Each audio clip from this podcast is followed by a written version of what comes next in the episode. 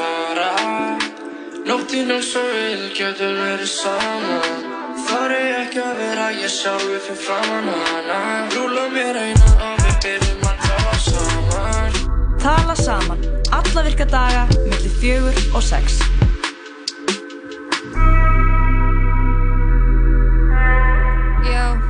Rétt, eru að hlusta að tala saman með Lóu og Jakobi Birgis.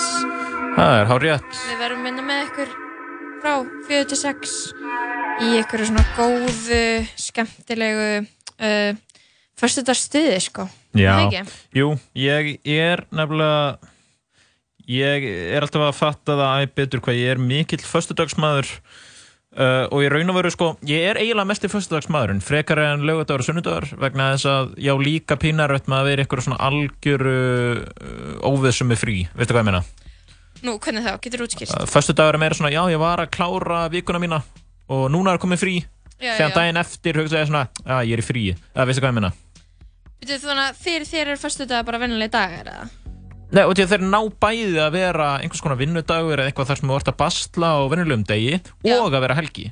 Já, nú skil ég þig. Þetta er sem í helgi. Já, en þetta er samt líka vinnudagur, eða veistu hvað ég meina? Þannig að, að föstudagurinn er svona, þú líkur einhverju Mhm. og þú getur bara að fagna því eins og þú vilt og, og verið án þess að hafa áhyggjur af, af morgundeginum, sko. Já, ég skil þig. Þannig að það er samt ótrúlega skemmtilega þáttu framöndan í dag. Það er, það er svona fjölbreytt dagskrá sem mér finnst alltaf mjög gaman. Við erum með svona fólk úr ólíka máttum. Við erum fyrst að fara að fá til okkar hann Ott Þorða sem er góðvinni þáttarins. Það verður hérna með Ottatal.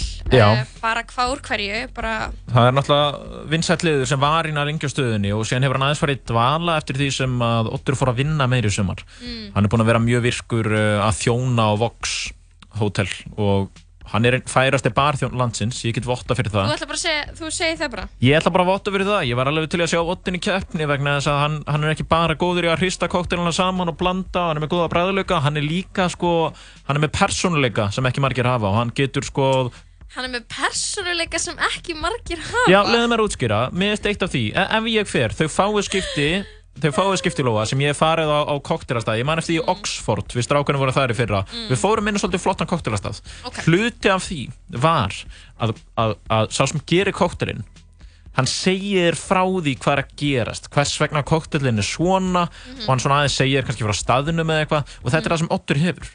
Oddur sem Þórðarsson tíðkast ekki mikið á Íslandi. Nei, það ertu er Oddur Þórðarsson sko, það getur komið bara einhver PC 101 gaur sko og byggðum góðan kokteil eða bara miðflokksmaður. Og Oddur bara Oddur bara, Hafðu til begja. já hann bara gera það vel. Skilur snirtilega, hann er kurteis agaður. En uh, hann er ekki bara barþjón, hann er náttúrulega fyrst og fremst bara stjórnmálafræðin nemi og hann er mikið fyrir það svona emitt, hann er þjóðfélagsrýnir hann ætlar að fara þessu við málum með okkur en eftir. Hann verður hérna, við hefum bara vona Þetta var hörku kynning á þetta oddatalinu sem verður en Ég eftir. hef ekki heyrt neitt runga neinum já, já, mikið að þú varst að gera núna og ég er bara í smá sjokki Nei, en minna, ég skal bara segja, ég skal samt segja við, ég, sko, málið er, mér, mér leiðist, sko, ég hrósa yfirleitt ekkert fólki eða mér finnst ekkert um það, sko, eða þú veist. Þú meintir ég, bara hvert einasta orð, Ég, meinti skilurðu? þetta bara einleikni, mér finnst gaman að Ok, auglýsa sorry, góðan ég ætla barþjón. ekki- Ég ætla ekki að vera að gera grína Þú veist, hann er ekki bara gaur og íslenska barnum að, að dæla bjór, skilur Nei, ég veit, hann er eitthvað meira Ég, ég held ég skilji það núna Ok, hvað- en oddatali verður svo ok, eftir. Tölum við það sem er eftir oddatalinu Já, Uh, þá eigum við vona á hérna, henni Yfir Sigurðardóttur, hún er einn af skipulegjum druslegöngunar, við Já. erum bara minna fólk á að mæti druslegönguna á morgun, við ætlum að spjalla við hana um þessa göngu í ár Mhm. hvað er sérstætt við hana já, og bara aðeins að taka þetta eitthvað svona smá spjall við hana mhm. Var ég búin að segja það kannski já, ætla, ég ætla að spyrja hana sko hver er áherslunar í ári eru og svo minnum við bara á þessi ganga kl. 2 á morgun Já, tvö, á- tvö á laugadegi. Fyrst sen, sensta helgin í júli, er þetta ekki sensta helgin í júli? Jú. Herru, Það sem minnum á, ég er að fara að mæti þá gungu í fyrsta sinn á efni. Já, það er mikið var Já, ég er margótt að mæti þessu gungu og hérna, alltaf verið einhvers staðar, Já, fjárverandi. Já það Eh. er alltaf freka góð mæting en auðvitað er þetta líka ferðahelgi og margir í frí eða svona í júli, fólk er að taka sér sumafrí Mhm. en uh, eftir það þá ætlum við að uh, við ætlum að endur heimsækja sexy klefan sem er uh, úr músli upprænilega frá því að ég Mhm. og Jói vorum með morgu eftir músli Einmitt. og við ákveðum að fa fara með sexiklefann með okkur yfir í tala saman ef þið veit ekki hvað það er þá er það uh, liður í föstudagsþætti á 101 þar sem við erum bara veist, þessi málefni fá bara að vera í smá forgrunni Einmitt. svona sexy hlutir Mhm. og að því tilefni þá verður hérna lesin erotísk smásaga Já, það er kynþokkafullt og, og hver kemur og, og list þessa sögu? Það verður hún, uh, listakonan Rebecca Scott Lord, hún hefur æft sig í að, hún, þetta er ekki fyrsta sagan sem hún skrifar, hún hefur skrifað nokkur svona, Já. hún er búin að vera að vinna með þessar pælingar svolítið lengi Já. og þetta er erotísk smásaga um auðjöfur, bandarískan auðjöfur Já, og fer svolítið inn í enna kapitalist svona klám og, og einhvern veginn bara svona ríkidæmið og svona nýfrálsleikina og kynlífið skilur Mhm. blandar þessu öllu saman í eitthvað svona, eitthvað svona skemmtilegt Rebecca er líka bara skemmtileg, hún er, hún er hérna líka uppistandari Já, hún er uppstandari og og, og svona fara með til að hlæja en, en já, hún getur sagt sexy hluti virðist þeirra. já, það, getur það fer hún ekkert er milli með, mála. hún er með sexy rödd Já, uh, svo náttúrulega kemur kissuberið á, á toppnum hvað segir við, rúsinan í pilsuendanum erum við þá ekki að tala um djamlega listan Jú, sjálfan? við erum að tala um jam playlistan Uh, sem- Við hefum verið með djamlega listan hér á, á föstu dögum núna um hríð og uh, síðasta Dóra Júli hjá okkur, uh, það var hrikilega gaman. Uh, núna verður Isabella Lena sem er sálfræðinemi og, og barþjón en, en hún er fyrirhandi sambíliskona mín líka. En þegar þú segir sambíliskona þá ertu samt að meina hún, hún er hún já, er ekki kærasta, ekki, fyrrverandi kærasta, við áttum ekki svona, við áttum í platónsk ástarsambandi samt, sko. Ég er ástfangin af henni, en, en svona, já, platónst. Uh, og hún er drottning bæjarins, eiginlega. Ég hugsaði svona eitthvað, já, Jacob og sjá um djamlega listan. Það hugsaði ég, hver er bestur á djaminu? Já, það er Isabella Lena. Já, ég meina, ég þekk hann ekki mikið en það, þegar ég hitt hann á jamminu það Mm. er alltaf sérstakt, sko. Einmitt. Já, eða, þú veist, bara, æ, og hún er líka, málir, hún er með skemmtilega tónlistarsmæk. Hún er svona svolítið fjölbreytt og er bara góð í að, góð í að velja lög og, og tala um þau. Hún á margar skemmtilega sögur og, og það verður hrikalega gaman að, að já, að spjalla við hana. Við ætlum bara, við eigum vona annars bara á honum Oddi. Já. Eh, eigum við ekki bara að hlusta á skemmtilegt lag ára en við bjóðum hann, bjóðum hann inn í, í hljóðverið eða? Hvernig verður það? er bara þetta tala saman og Otto-tali er, rétt handa við honnið. Já, ekki fara langt. Hérna er lagi Crazy in Love með henni Beyoncé. Að hún syngur það á svona manninum sínum, Jay-Z.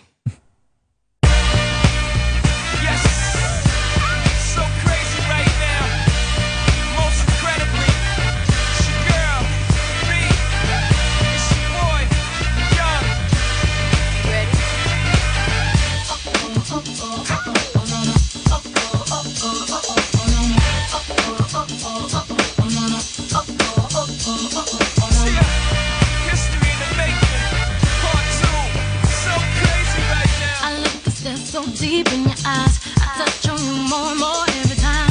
When you leave, I'm begging you not to go. Call your name two, three times in a row. Such a funny thing for me to try to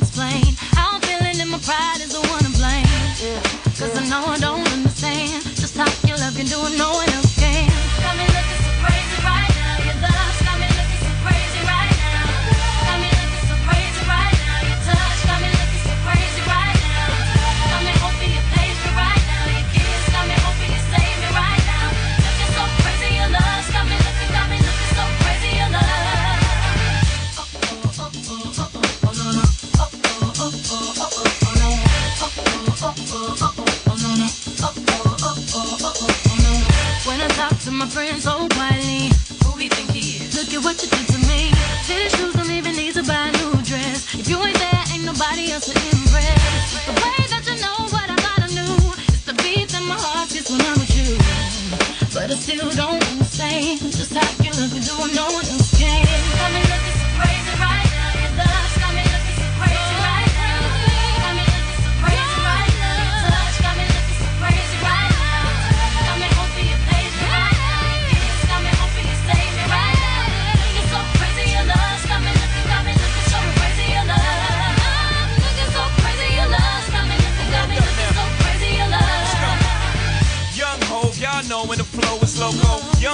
And the ROC. Uh oh, OG, big homie, the one and only. Stick bony, but the pockets is fat like Tony. Soprano, the rock handle like Ben X2.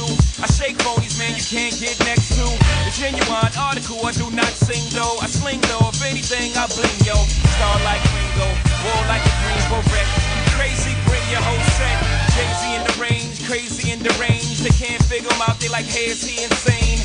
Yes, sir, I'm cut from a different cloth. My texture is the best firm chinchilla. I've been dealer than chain smokers. How do you think I got the name over? I've been realer, the game's over.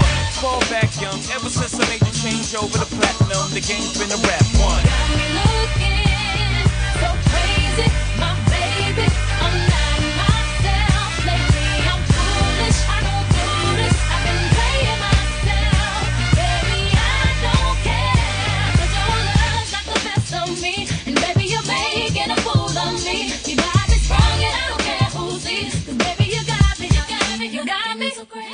Og já, þetta var lagið Crazy in Love með Beyoncé og Jay-Z, virkilega gott lag, svona föstudagslag. Já, Crazy in Love. Uh, já, ég er í mitt Crazy in Love akkurat núna vegna þess að við erum já, komið með gamlan og góðan lið þingað í tala saman Lóa. Um, uh, við uh, erum komið með Nótt Þóruðarsson hér í óttatalið. Já, og hann er einhver ástfangnari en hann. Blæsaður Óttur. Uh, já, uh, ok, takk fyrir þessu frábæða kynningu. Uh, kannski ekki innkoman svona sem þú bjóst við, eða kynningin. Það er svolítið öðru, þegar Bjartur og Birna voru bara hérna. sko. Já, ég mitt. Nei, en, nei, ég segi svona. Nei, en, en segðu mér áttur, þú ert hérna... þú ert Ferskur. Já, þú ert ferskur. Já. Það er náttúrulega fyrir ekkert að milli mála. Og hérna, þú ert stjórnmálafræðinemi og svona og, og, og við veitum ekkert hvað ætlar að koma að tala um. Nei, það hefur held ég aldrei gæst aður að þátt að stjórnundin sjálfur vita ekkert hvað það er um, nefnilega, við ákveðum að hafa þetta bara svona náttúrulegt og. Já, skemmtilegt. en það var reyndar Birna sem stakk upp að ég myndi taka þetta sko. Að er svona. Uh, ég ætla að mögulega tala um lín, en Já. það veit ekki neitt um það og það langar engan að vita neitt um það. Uh, og það er Nei. ofta leðilegt, þannig ég ætla bara, ekki að taka það. já, hvað er mega skemmtilegt? Uh, ég ætla að tala um ljósboga. Ljósboga.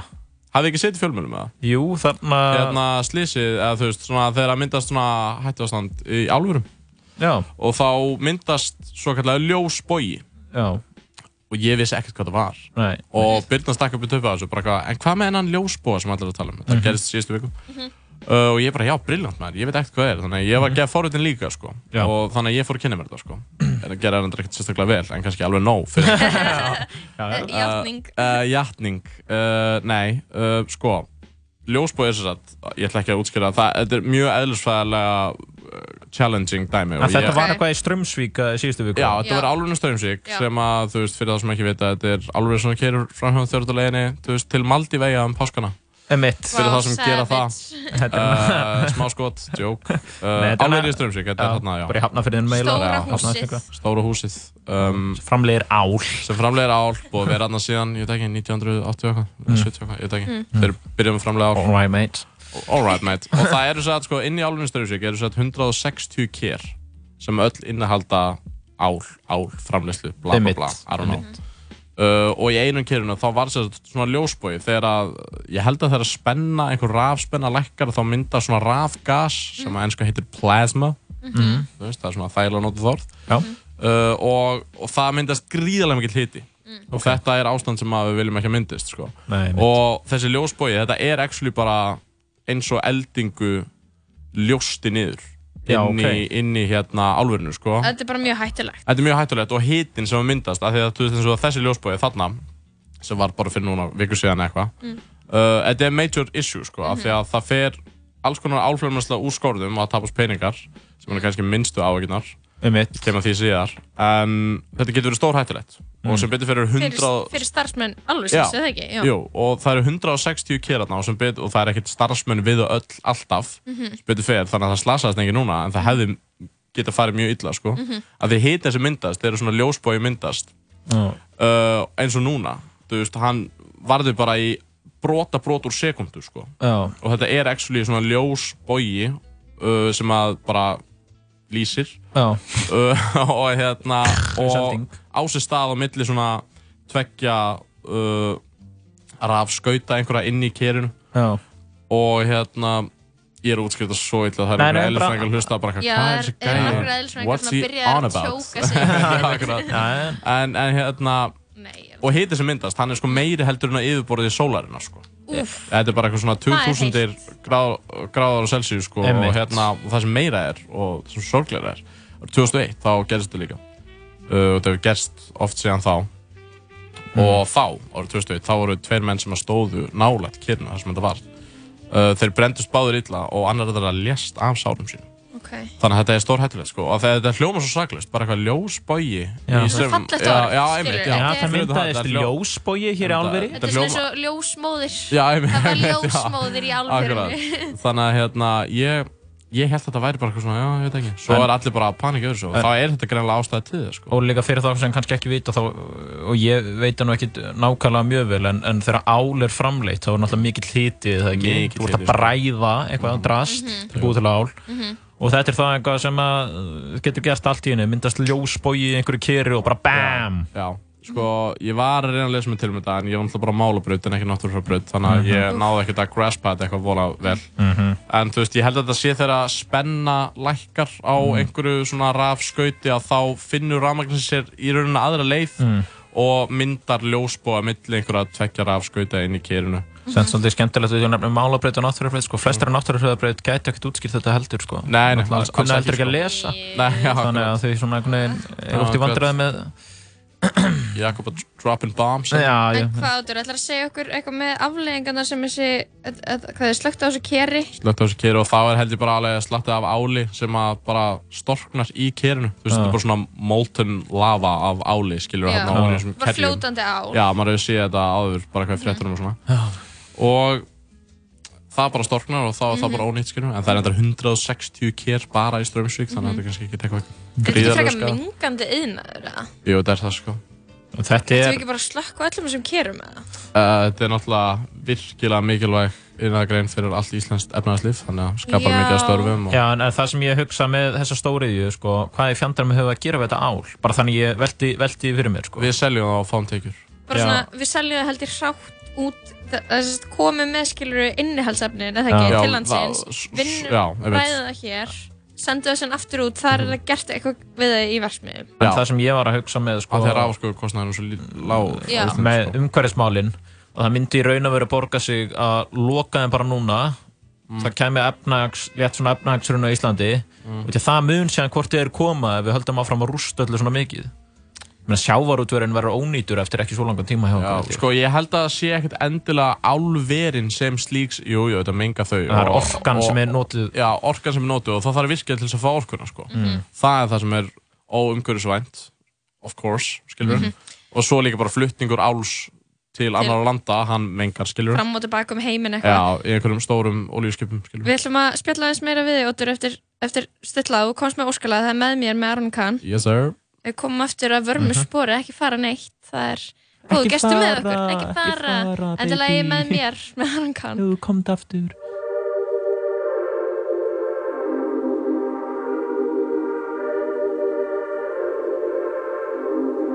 No judging ice, no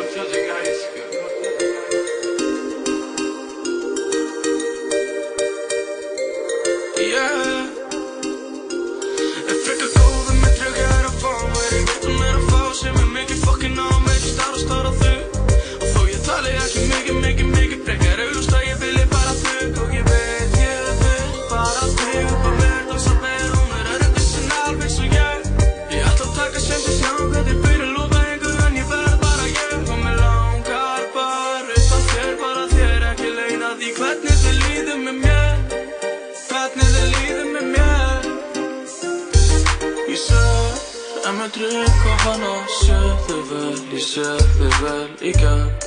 Ég förum saman Gerir þess að veg, yeah, yeah En tek samt bara marka þér Þegar ekkinn er með. Bara við þau saman.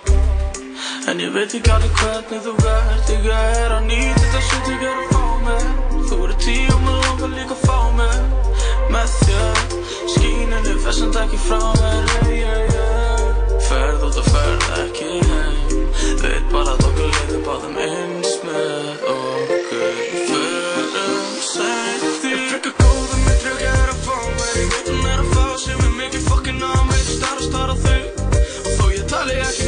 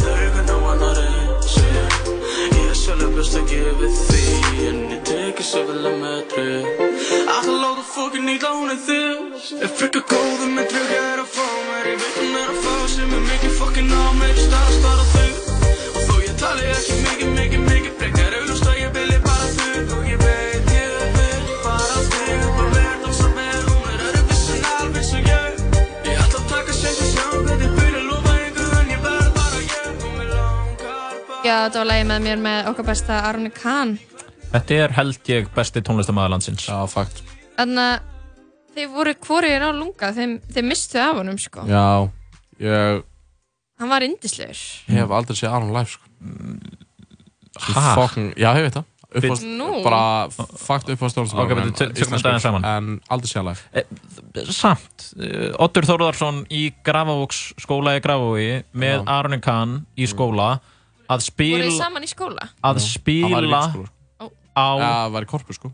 Að spila á Samfjess Jú, hann var, hvað, lofa ekki Come on, Ég er að segja nei, hann var ekki, hann var í korpskóla nei, hann var í foldaskóla eða eitthvað. Þú ert sex ára mældan hann sko, hann var í korpskóla You don't remember him sko. Oddur og Aron voru saman í skóla. Og það sem er svolítið skemmtilegt uh, þú hefur spilað með hann ekki? Á Jú, ég hef spilað live með honum en ég hef aldrei séð hann live sko. Já, og þú varst á trommunum þá eða? Ég var á trómanum Og hvað var þetta, Samfjess eða eitthvað? uh, Já, Þannig að þú uh, söng- með honum? Ég giggað með honum. Oddur er nefnilega gamal reyndur sko. Já. Og- uh, Það stendur líka í mér sko, hérna Ingi Finns sem var með félagsmyndstöðuna sem að þú veist, hann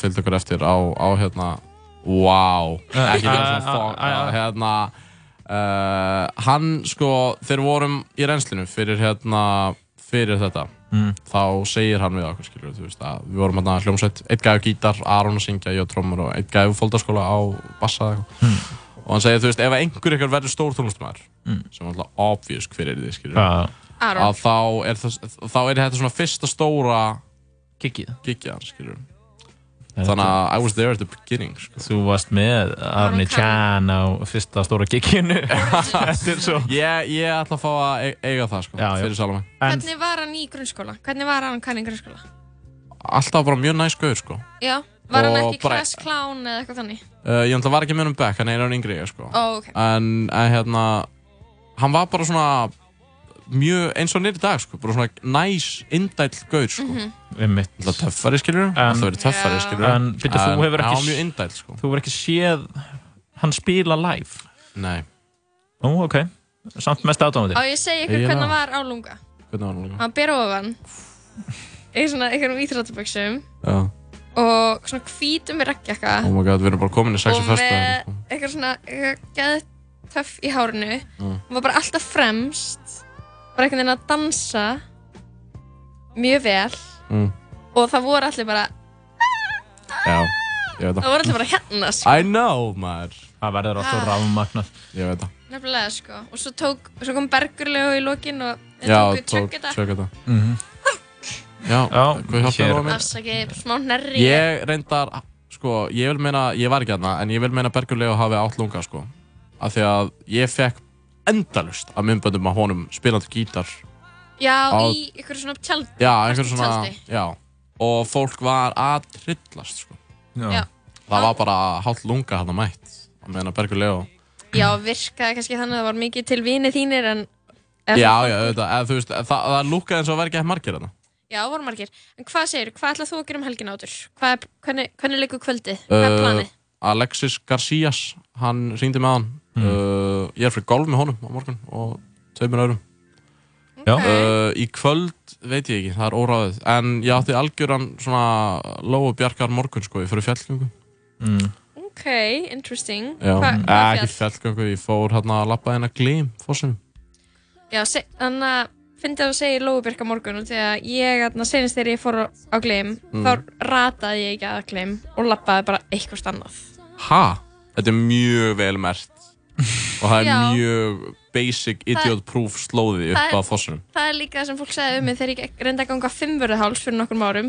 Ég viltist bara, fó bara, ég var bara miklu lengur að lappa En fimmvörðuháls. betur ég skil að Hann hafa kannski vilst í bílnum á leiðinu og ekki fundið afleggjaran en það er fáránlegt að hafa ekki ratað það upp á fossunum lappið og lappaði vittlust. Það er, ha? Það er gössamlega fáránlegt Já, þetta er... Nefnum þetta hafi verið fyrir 15 árum síðan eða Við eitthvað erum bara í þetta sökkaðu eitthvað. Bara Róa rata ekkert glými.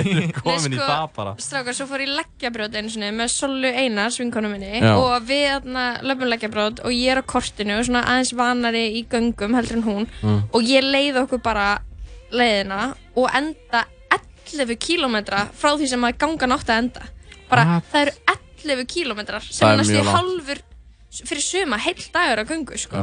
Allt hennu fekk ég svona tilfinningu með líður eins og ég sé 50 ára að rifja upp gamla og góða tíma. Er þið ekki Þetta byrjað að var fá hérna, þetta? þeir vorum í galtalæk Já, ég Hérna eitthvað. Ég byrjar að fá þannig, alltaf þegar ég tala um eitthvað skemmtilegt í fyrndinni Já, sem gerist akkurat. fyrir skilur hálfa ári þá er ég eitthvað svona, það var náttúrulega rosalega gaman á sínum tíma Já, var. ég er farin að segja gamla daga mjög mikið Já, Já, við hafum golfsamli gamla dag þið eruð svo ungir sko. Ég er þetta. 26 ára en þið eruð hefvídugir, skilur við maður er svo tvítugur. sko, við erum, við erum liðu í rótur Já, við erum liður maður. Við erum, Já. ég er enda ekkert sérstaklega liður. Anóttur, Nei, ég vona að þú eigi góða helgi í golfi að það var fróðleg skýring á ljósbóðanum í, í Já, alverinu samt vola takmarka fróleg En, nei, mér finnst mér finnst þetta flott, ætla ekki afsaka þig Nei. Ekki draga það niður. Nei, Nei. það er fössari, það er sól. Það er bara á bara að vera með sjálfs sjálfstöðsti í hámarki Mhm. ma þegar maður er að fara inn í helgina.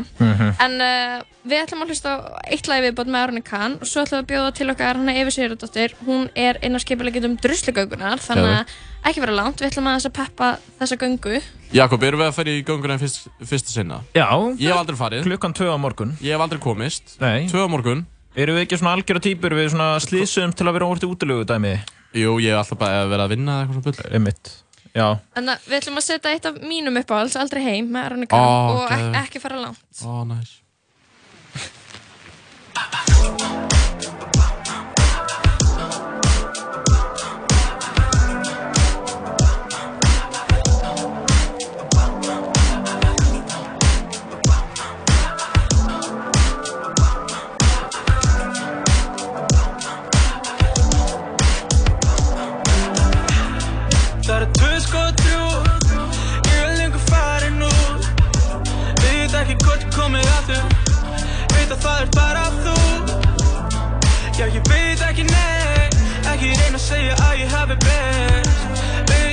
Ég ringi aftur Veist að við erum ekki ég Veistu ekki hvar ég er Þau halda að ég sé á leiðinni Ljósan lifi og ég tek þig með Tek þig með inn í heimi minn Talaði við hana, hún veit hvað ég er að taka Ég með fullt á meðan henni, ég kann setja það í vasan Veit að þú vilt taka mig heim, ég til Bara svo þú veitur er það sem Ekki minnast á mig Ekki fara það er gott, you know Ég ætla aldrei heim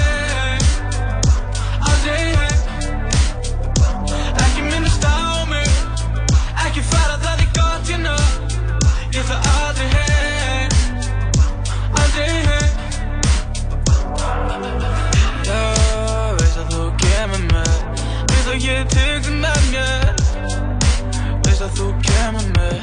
Veist að þú kemur með mér. Já, við förum alltaf haf. Veit ekki hvar ég enda. Já, hún byrði mig smá En það er ekki mér að kenna.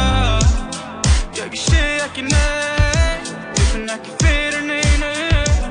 Það eru brotin hjörstu kringum mig Dansa með við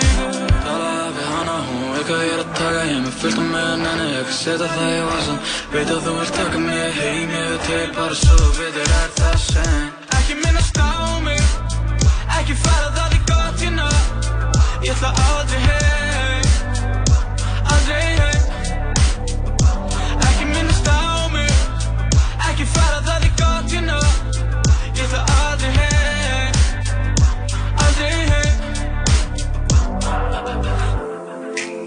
ætla ekki að draga því með.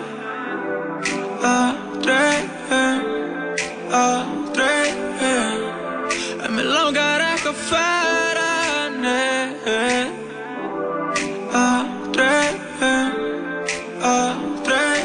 Tala við hana, hún veik að ég er að taka henni Mér fylgta með henni, en ég ekki setja það í vasan Veit að þú vil taka mig heim, ég veit þegar bara svo við þig Já, þetta var lagi Aldrei heima, Aronni Kahn. Við erum komið með virkilega góðan gest til okkar, hana Efu Sigurðardóttur. Vertu velkomin. Já, þú getur tala bara mjög nálægt mæknum. Þannig að það er skemmtilegt með hana Efu. Hún á ammali í dag. Já. Til hafa mikið með ammalið. Takk fyrir það. Er ekki gaman að koma í útvarpi á ammalinu sínu? Það er geggja. Já. Þannig að þú ert í mjög flottum drusluból. Takk. Þannig að er þetta druslumerchið? Já, þetta er einn af öðrum bólum sem við erum með á þessu ári. Ok, geðið. En já, þú ert svona ein af skipulegitum druslagöngunar, listakona og hva, hvernig er þetta búið að ganga? Hvað er þið búin að vera að gera í vikunni? Uh, þetta er bara búið að ganga mjög vel. Við erum búin að vera með nokkra viðbyrði núna í vikunni, svona bara undibúning og umræður. Já. Og vorum í gær til dæmis með skiltagerð og hann er það punk sem hún Sigrun Braga stjórnaði. Það var ótrúlega gaman. Ok. Og svo vorum við líka með peppkvöldið þetta á miðvikudeginum. Já, hvernig, hvernig hefnaðist það? Voru margir sem mættu? Uh, já, það var alveg slatt af fólki. Ég held að þetta er náttúrulega stór salur hann í gamla bíó þar sem við vorum, en það bara var ótrúlega góð stemning Svo- og allir í góða skapi. Nokkuð temmilega tróðið bara. Já, bara Einmitt. svona hemmilegt. Gekkja, og hvernig er annað stemmingin fyrir morgundeginum?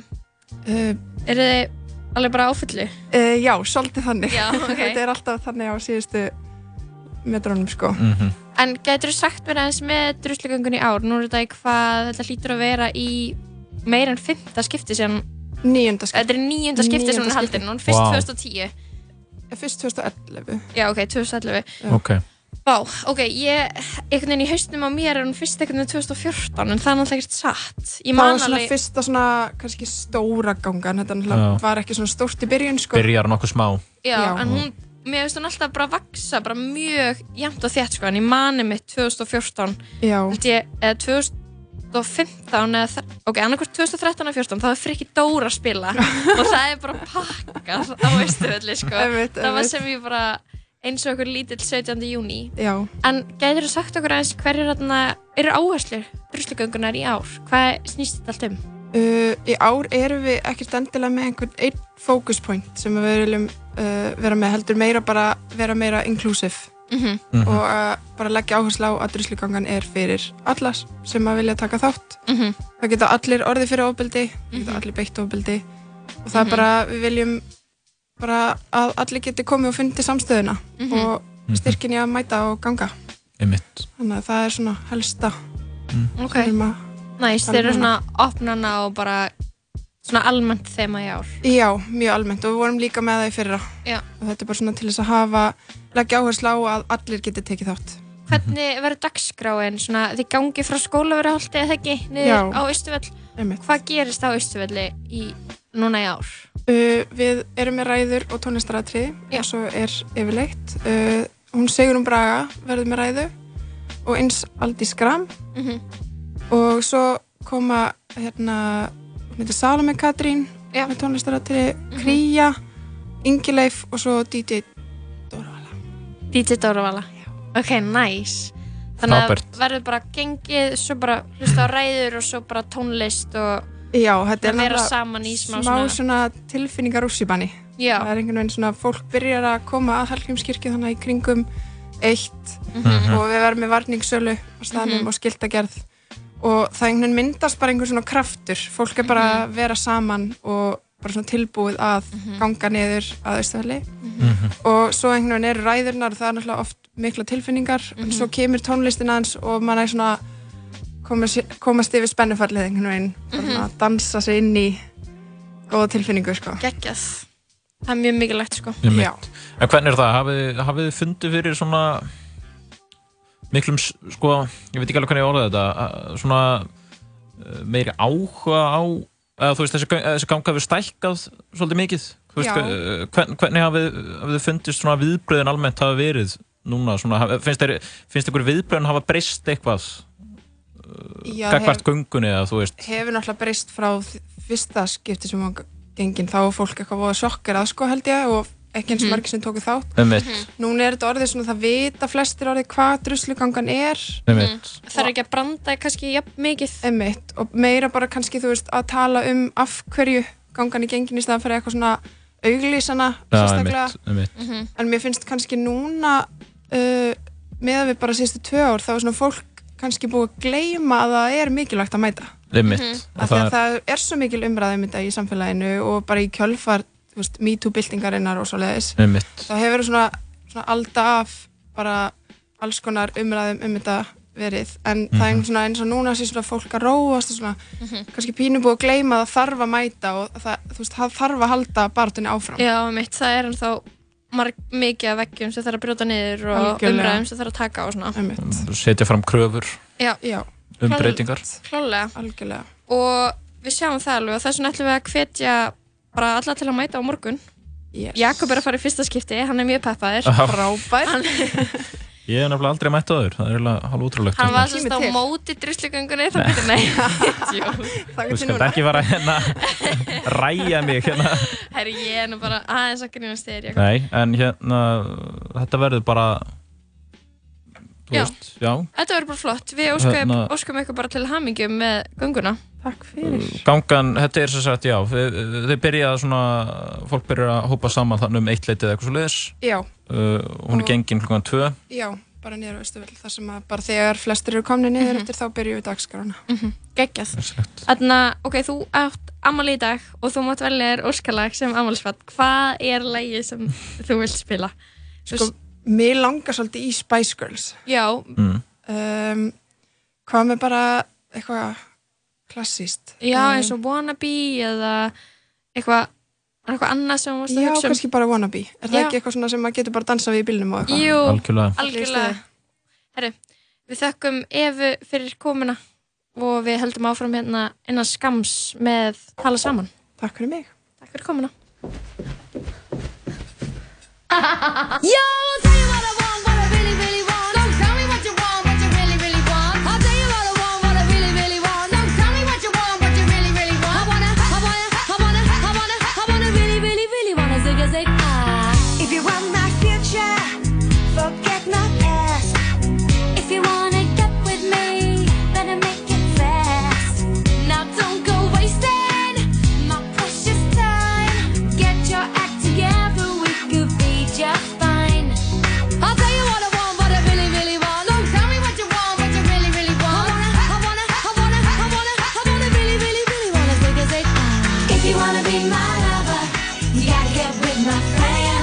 Make it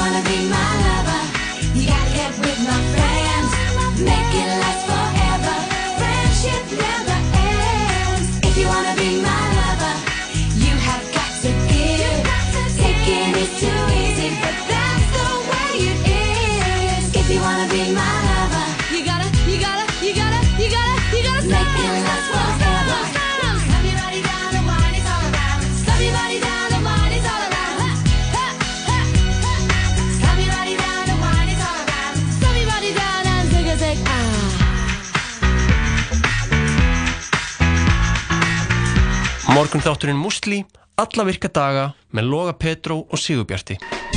Gommugláp og bland í póka í kvöld Stöð 2 Marathon er stútfullt af frábærum þáttaröðum sem þú getur hort á hvar og hvenar sem er þér áskrift fyrir aðeins 2490 krónur á mánuði á stöð2.is Hamburgerabúla Tómasar, nú verða stektir hambúrgarar. Hamburgerabúla Tómasar, Útvarp 101 og Nokko Kynna. Tveir á tvo, köruboltamót á miðbakkanum, sunnudaginn 28. júli klukkan 1. Veglegir vinningar fyrir sigurveðara. Sjáumst á hefninni. Landsbankin kynni Stark chose you Eftir atbyrði Avengers Endgame þarf Spider-Man að stígu Are you going to step up or not? Til að takast á við nýjar ógnir I just really miss him Í heimi sem hefur breyst að eilífu I don't think Tony would have done what he did if he didn't know that you were going to be here after he was gone. Spider-Man Far From Home Frum sín 3. júli Þú ert að hlusta á Útvarp 101 Útvarp 101 FM 94.1 Í bytni úr miðbæ Reykjavíkur. Það held ég nú, við erum alveg bara í bandbrjálaðri beinni útsendingu hér úr uh, miðbæ Reykjavíkur. Uh, tala saman til klukkan 6, Jakob og Lóa hér með ykkur Já, við vorum að kveða hana Efu Sýradóttir, hún er að skipilega drislugönguna Já. sem verður á morgun. og er í já, listnámi, listakona uh, já, í Hollandi Mhm. það er bara spennandi að Virkilega cool. með því uh, Druslagangan er að sjálfsögðu klukkan 2 á morgun og gengir frá skólaverið holtinu um, Já, heyrðu það er uh, eitt sem er náttúrulega komið inn á hérna uh, það eru hlaðvapstættir hérna á, á uh, þessari stöð uh, skoðanabræður, þeir Bergþór og, og, og Snorri Másinir og, sem eru bræður í mitt. þeir eru bræður um mitt og með svipaðar skoðunar einhverju leiti en, en hérna, það er allt annað mál. Uh, þeir fengu til sín rapparan Byrni, hinn geysi vinsala núna og þáttur að uh, fóru lofti í dag. Getið tjekka á því og Spotify og öðrum miðlum en, en þeir, þeir fengu einmitt rapparan Byrni, hann hefur ekki mikið verið í suðsljósun undarfarið hann er svona búin að vera aðeins uh, under the radar eins og talaður um. Og uh, ástæðan er einföld, hann var að koma úr uh, meðferð. Hann fór þarna í þryggjamanað meðferð til uh, Svíþjóðar. Það var svona eiturlefja og, og fíknefna meðferð og hann opnaði sig þarna um þetta. Og þetta er, uh, þetta er nú bara mest lesna frétt á landinu í dag. En Og bara hann- kemur hérna beint úr og Þeir hann, bara bombuðust í fyrsta sæti á mestleysið. þetta er ekki fyrsta sinn sem útvarp 101 er með glóðvolgar og, og, og fersk teik, ferska fréttir Nei. Nei, Birnir segir þarna sko, mér langaði alltaf gæðið mikið að vera edru, ég hataði áfengi eitthulif en það er bara einhver fíkill í mér. Þetta var að koma þann stað að ég gæti ekki hætt og kunni ekki að hætta. Uh, en uh, uh, Hann fekk væntalega einhverja góða hjálp við það út í Svíþjóð og er búinn að vera edru. Og, hann, mánuði. og hann segir núna, ég er í ógæðislega góðu jafnvægi, ég er byrjar að huglega mjög mikið, gera það á hverjum degi. En hann er svona, já, búin að vera að takast á við þessi erfileika. Er edru í draga hverst uh, aldrei hafa verið betri. Þetta Já, eru ég er bara, svo ána með hann, sko.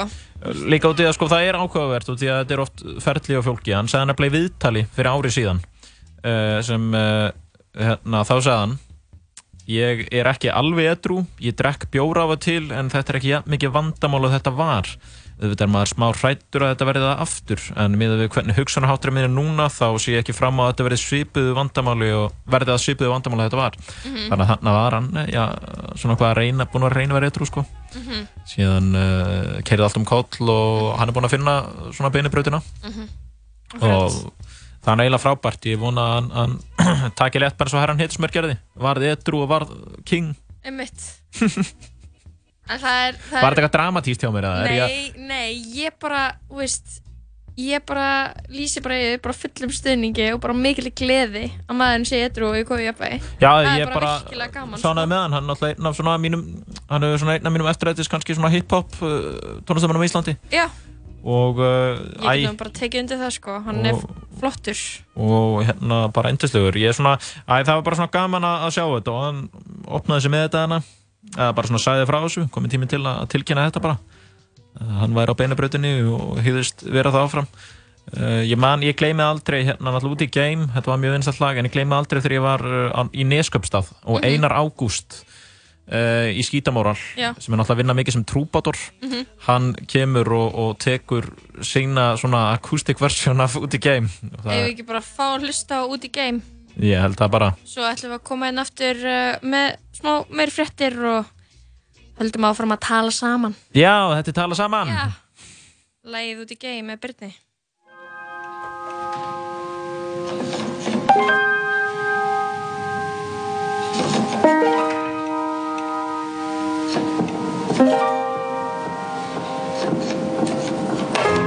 Fer svo hratt, hún keir á stað, við komumst næ Ég hugsa um þig og þetta og að taka tvæt Mun eflust vera svona til í dag En ég kemst ekki tilbaka, ég er á leiðin út í geim. Ég fer svo hratt, hún keir á stað, við komumst næ Ég hugsa um þig og þetta og að taka tvæt Mun eflust vera svona til í dag En ég kemst ekki tilbaka, ég er á leiðin út í geim Ein leið heim sem að ég mun alltaf ræta Tek tvö skref áfram og svo eitt skref tilbaka. Vandræði sem elda mig, ég veit að mér að kenna. Vandamálin þekkja þig og hvar á ég að leita? Skiptir ekki máli, ég ætla að sjá þig. Viltu gera þetta sjálf, ég horfi á þig.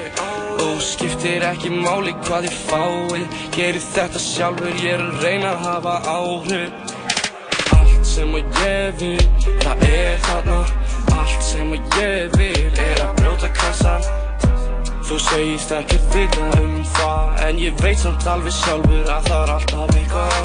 Það er alltaf eitthvað með mig sem ég næ ekki fatta Svo sjálfa mig og kemin eins og ég vildi alltaf. Ég kemin og ég fer svo ekkert gefins. Hef ekki tíma til að vera efins Ég fer svo hratt um kæra stað, við komumst næ Ég hugsa um þig og þetta og að taka tvæt Mun eflust vera svona til í dag En ég kemst ekki tilbaka, ég er á leiðin út í geim. Ég fer svo hratt um kæra stað, við komumst næ Ég hugsa um þig og þetta og að taka tvæt Mun eflust vera svona til í dag En ég kemst ekki tilbaka, ég er á leiðin út í geim. Ég er tilbúinn að leggja þetta allt á mig Þú veist það er eitthvað annað ef ég svar ekki. En þegar ég var ekki að gera neitt Núna vakna ég á daginn og ég vindi klukkan seint Hún er svo flæ, við horfum á hvort annað og Þú veist að þetta er meir en bara ég og þú. Á leiðin út í geim og ég veit að þó að ég myndi vilja það þá komist þú ekki heim.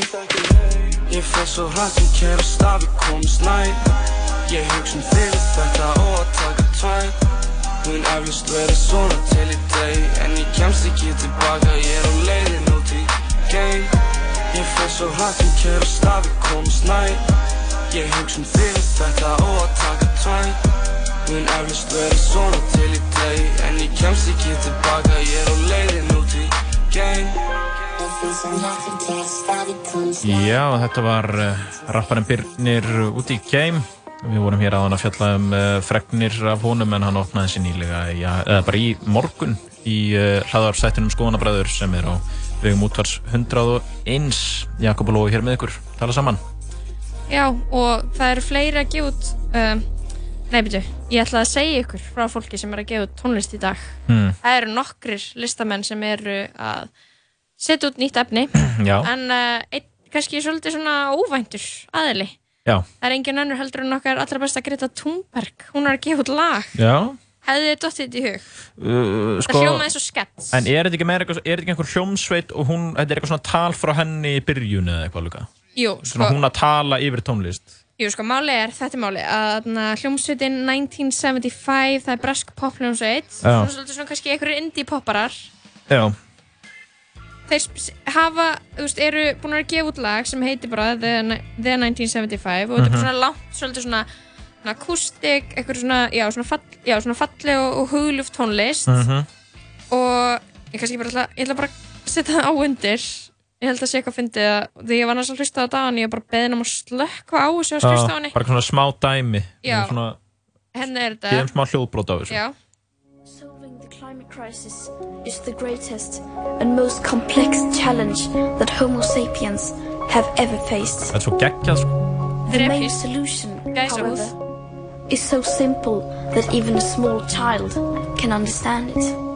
Ok. We have to stop our emissions of svona, svona er þetta einhvern veginn allt, allt lagið sko. Þetta er svona tónlist, þú ert ekki eitthvað með félaginu minni stofi heima, eitthvað að chilla og bara eitthvað, hei, setja smá tónlist, eitthvað, veist, eitthvað, Nei, bara Greta Thunberg, bara, þú- the homo sapiens have accomplished. Nei, þú veist, ef að hérna byrju, þú veist, ef að vinuðin setur þetta á Já, þú veist, þeir eru heim í stofu og þú byrjum um tónlist og hann setur þetta á þá veistu náttúrulega að hann er eitthvað þér, skilur Já, já. Og en, en þetta er flott, sko Já, þetta er bara skemmtilegt og, og þeir sem er ekki að fylgja Greta Thunberg á hérna samfélagsmiðlum Greta TH Thunberg eh, Instagram og Twitter, það er gaman að fylgjast með þessu Erum við ekki bara að kalla hana Greta Thunberg eða? Greta Thunberg En Thunberg. það sem hún er sem sagt að fjalla um í þessum texta er náttúrulega bara, þetta er, er þarna umfyllunar efni hennar, þetta er bara sama, nú er bara tími til aðgerða og Mhm.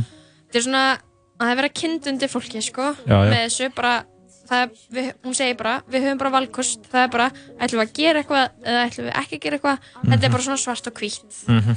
og hún svona ítrekkar þetta Mhm. og já, ég segi bara virkilega flott framtak og hún segir sjálf í viðtali um lægið bara veist, það er svo mikilvægt að fólk úr ólíkum uh, st- af ólíkum stöðum í samfélaginu taki Takk þátt Þarna eru, tónlistamenn, þeir eru þessir, uh, þessi hljómsveit 1975, hún er að setja þetta í for, forgrunn hjá Einmitt, sér, gera, gera þetta að eitthvað svona baratumáli, hún segir bara mikilvægt að við séum öll að því, Einmitt. tökum bara undir það með Já, henni. samanlega því. En uh, já, það var svona fleiri gjóðu tónlist uh, Og þá kannski svona, já, me, já, svona meiri tónlist, tónlist. Já um, Þau ekki bara taka hinn íslenska? Herra, Já, það er einn edru kongur þar að ferð. Já, Herran Hittusmjör, hann var að gefa út uh, lagið uh, Vittlesan eins en þar tilkynna hann einmitt í laginu að hann sé að fara að opna skemmtistað já, og er það svo? hann er að fara að opna skemmtistað held ég við Östustræti 3 eða eitthvað líka, ég held að hann hafi sagt það Ég, veistu, Edru kongur að fara að opna skemmtistað. Já, þeir byrnir eru báður edru kongur núna Mm Og hvaðna, veist, hvernig skemmtistað verður þetta? Veist þú eitthvað, hefur eitthvað heyrst á- af þessu? Ég hefur hann verið ekkert heyrt mikið ætla hann sé ekki eitthvað að fronta hann að stað og ég veit ekki hverja hann á að líkast eða hver, ég veit það ekki bara, Pæl, pældi ég eftir ár, þá er ég og þú kannski bara föstu dagur og við erum eitthvað, eh, förum bara skemmtistaðan hans herra. mm Það geti verið, sko. já, En uh, heyrum þetta lag og við óskum bara nettunni til að mikið með þetta nýja lag. Þetta er vittlisann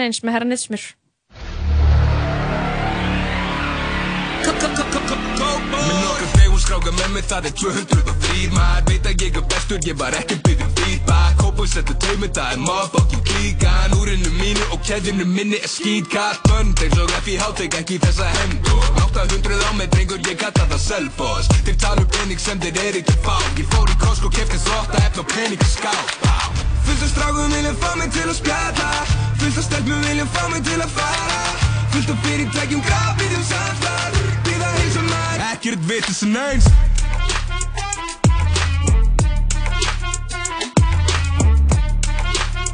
Kókbóð Ekkert vitis en eins Kókbóð Ekkert vitis en eins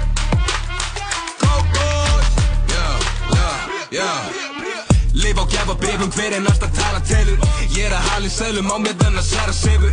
Kópi nauta kjött sem ég þarf ekki að svera í. Stefgjald gangi er þið börnum mín og þegar rík Svo hvernig gengur, ég drippur drengur, hvað meinar þú? Veltan í komi tegju og stúrandi fokki leikjum Ég stæla, ég borga bæði, ég fyrir mitt möngu fyrirtæki Finnum mig krú sem ég kalda núlið og hittu sæti. Af strákum vilja fá mig til að spjalla. Af stelpum vilja fá mig til að fara. Af fyrirtækjum, samstarf Býða heilsa Ekkert vitis en eins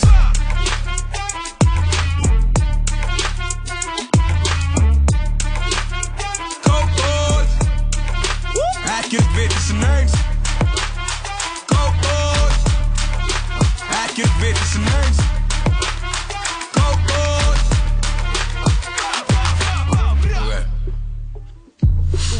Ég er á skemmt í stað 2 og 3 baby. Östrætt 3 Þannig að ég er minna í spæni núna Þetta er ég búin að vera. Hótelherbyggi Reyktinni Plastfóki yfir. Reykskjana Ekkert vitis en eins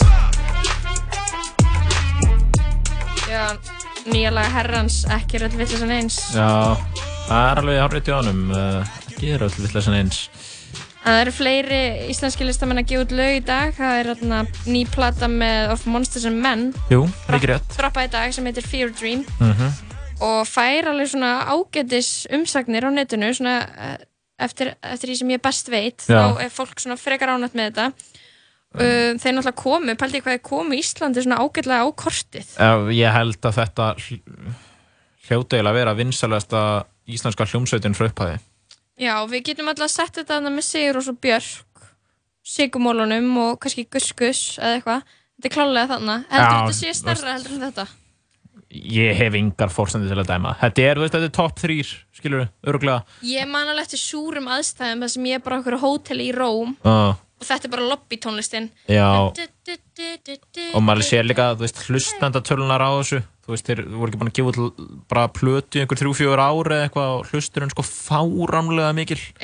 Uh, og þeir spila á þetta um allt, stórum bíómyndum, ég veit það ekki en þú veist, skiptir ekki máli hver er eitthvað stærsti íslenski tónlist það er voru að segja til um það en ég meina þetta er þetta er mjög Þetta er vinsælt sko, ég sé líka að þeir eru aðeins búin að breyta um lúk, þeir eru kannski búin að vera eitthvað svona smá dvala allavega að gefa út nýtt efni, ég veit ekki hvað sem mikið er að verið að túra, en örglega eitthvað. Já, já, og ég veit að þú veist, þau eru bara, þau hafa bara frekar gott af þessum tónleikaferðalöfum, það eru bara svo vinsælt sko já, já. og um, er komið nýtt lúk, það er meira svona neon, ég var að sjá þetta svona, þe- þegar mannst þessum menn fór stað, þá var þetta svona indie sveita svona jarlitinir og Mhm. það er allt bleikt og gullt og svona komin inn í svona eitthvað meira svona zing, Já. svona alþjóðlega lúkið sko Ah, það er skemmtilegt Já, ef að hlusta á singulin Alligator og, og, og eftir að við heyrum, fáum að heyra það lag þá bjóðum við hérna velkomna til okkar uh, hann Rebecca Skottlord í Sexy klefan Mhm. uh, það er sexy fessari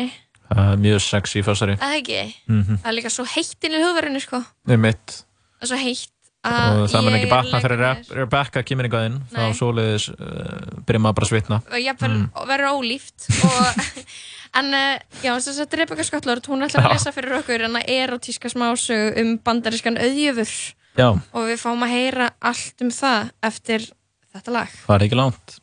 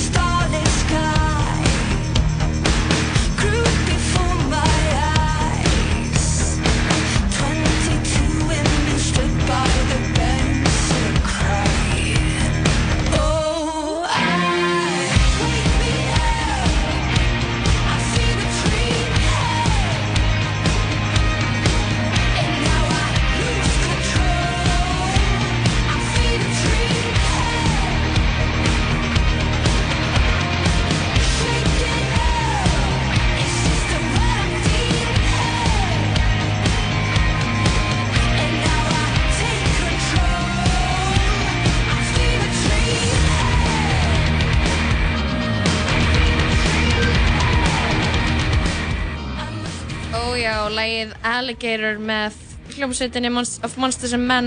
Hefur að gefa út nýja plötu í dag. Splungun nýtt. Við óskuðum bara innilega til að hamngja með það. Það er bara risastórt, sannir íslendingar fara og hlusta þá plötu. Já, en uh, sexy klefin, hann er hafinn. Mm hérna í tala saman. Já, ég finnst það bara nokkuð horni Þetta er fyrsta skiptið þitt í sexy klefanum, Jakob, eða ekki? Jú, ég er hérna. Ég fæ að svona prófa það núna. Mm. Já, um, við erum komið með virkilega graðan gest til okkar. Það er hún, uh, það er listakonan um, og erotíski, hvað segir maður, smásagna höfundurinn, Rebecca Scott Lord. Hi. Hi. Thanks for having me again. Uh, welcome, Rebecca. Great to be here, How, always. how are you doing on this uh, Sexy Friday? Um, I am doing great. I actually just, uh, I've been working on setting up, I got a sexy new bed delivered from You IKEA. got, you got a new bed. Okay. Uh-huh. And I, Mhm. I built it up and uh, ready to test it out. All right. It's a little, little You mean squeaky. sleep in it? Yeah, yeah, yeah. wh- What is so sexy about that bed? Well, let me tell you, it's the the the malm. Mm. Uh, The very class- metal- No, no, no. no. It's like wood. Okay. Mm. Fake wood.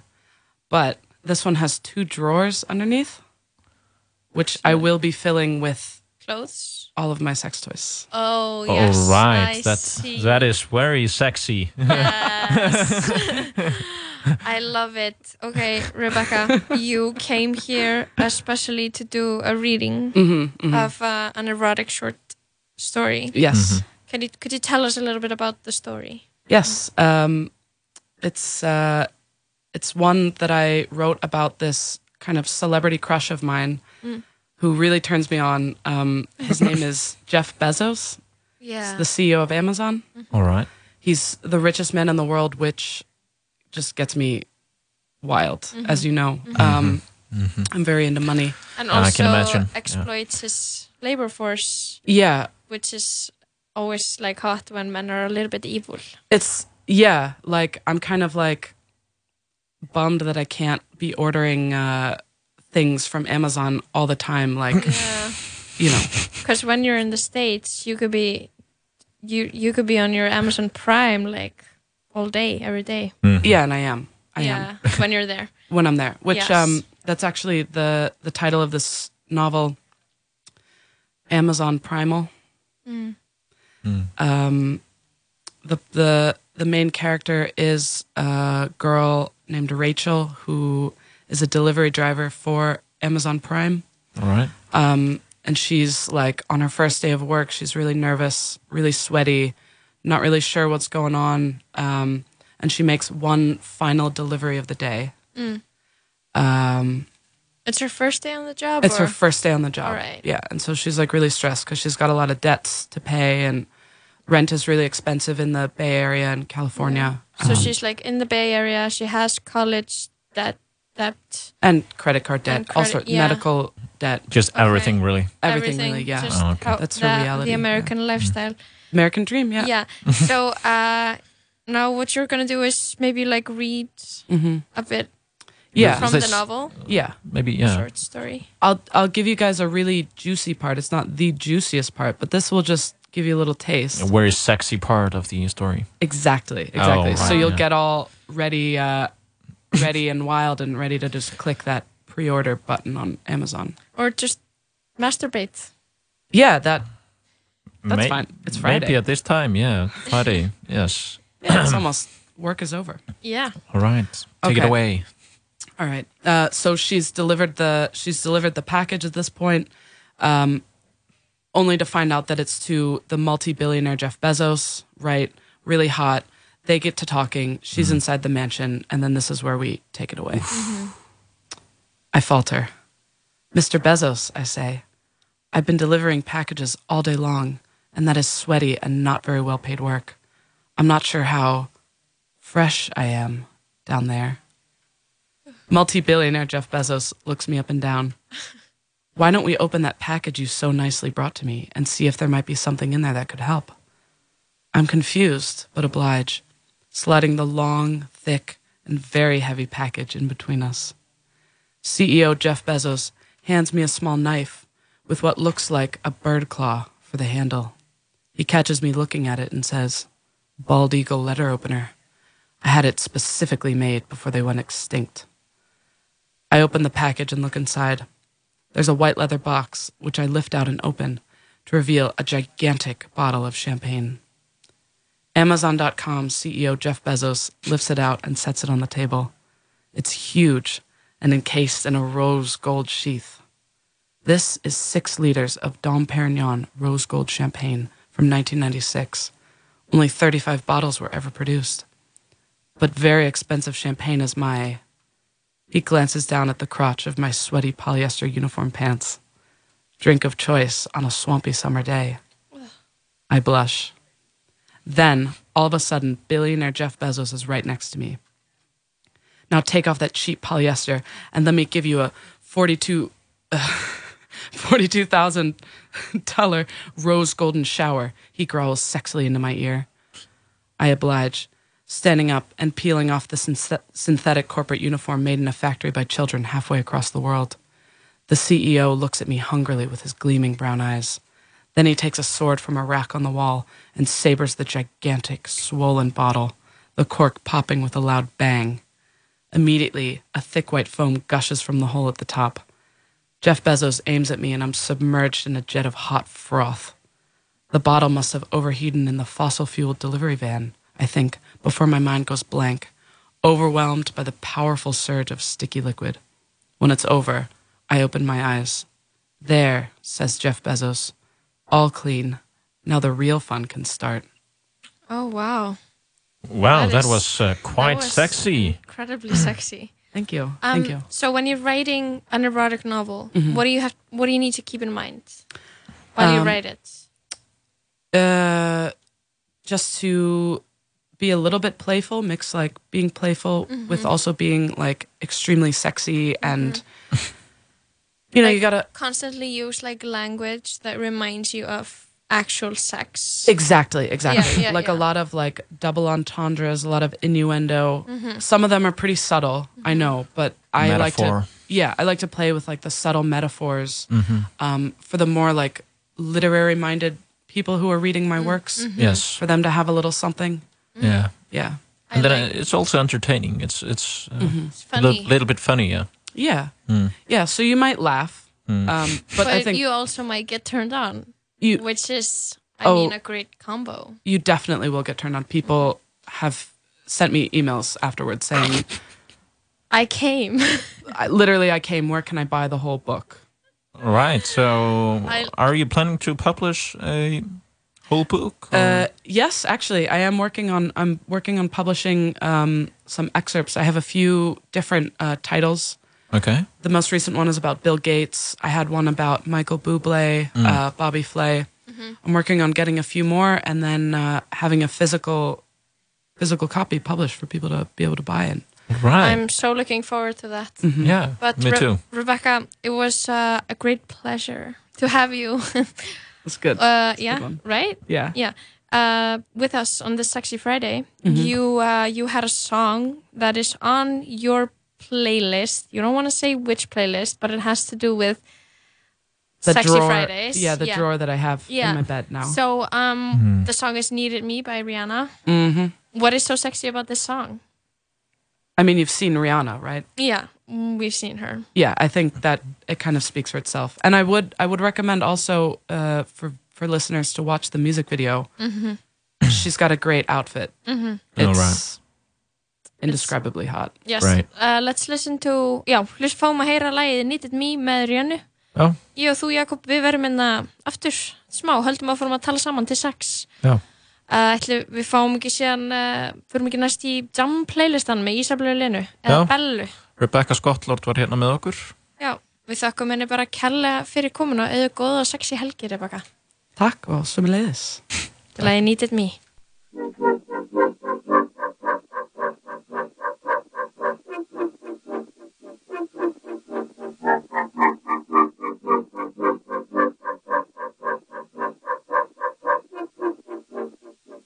That?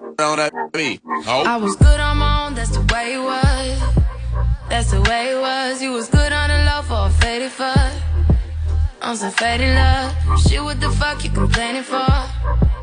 Feeling jaded up. Used to trip off that shit I was kicking to you. Had some fun on the run, though I give it to you. But baby, don't get it You was just another nigga on the hit list. Tryna fix any issues with a bad bitch. Didn't they tell you that I was a savage? Fuck your white horse and a carriage. But you never could imagine.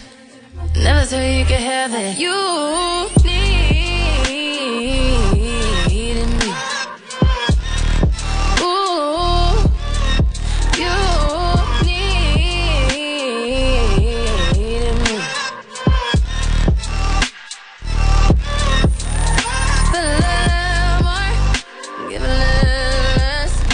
hit the compass, but baby, who you needed me? You been rolling around, shit, rolling it up. Let her roll it up. Break it down like a punch, shit would never us. Shit would never rot. That's the real on the real, are you serious? How you feel, how you feel? Used to trip off that shit I was kicking to you. Had some fun on You was just another nigga on the hit list. Tryna fix any issues with a bad bitch. Didn't they tell you that I was a savage? Fuck your white horse and a carriage. But you never could imagine. Never thought you could have it. You needed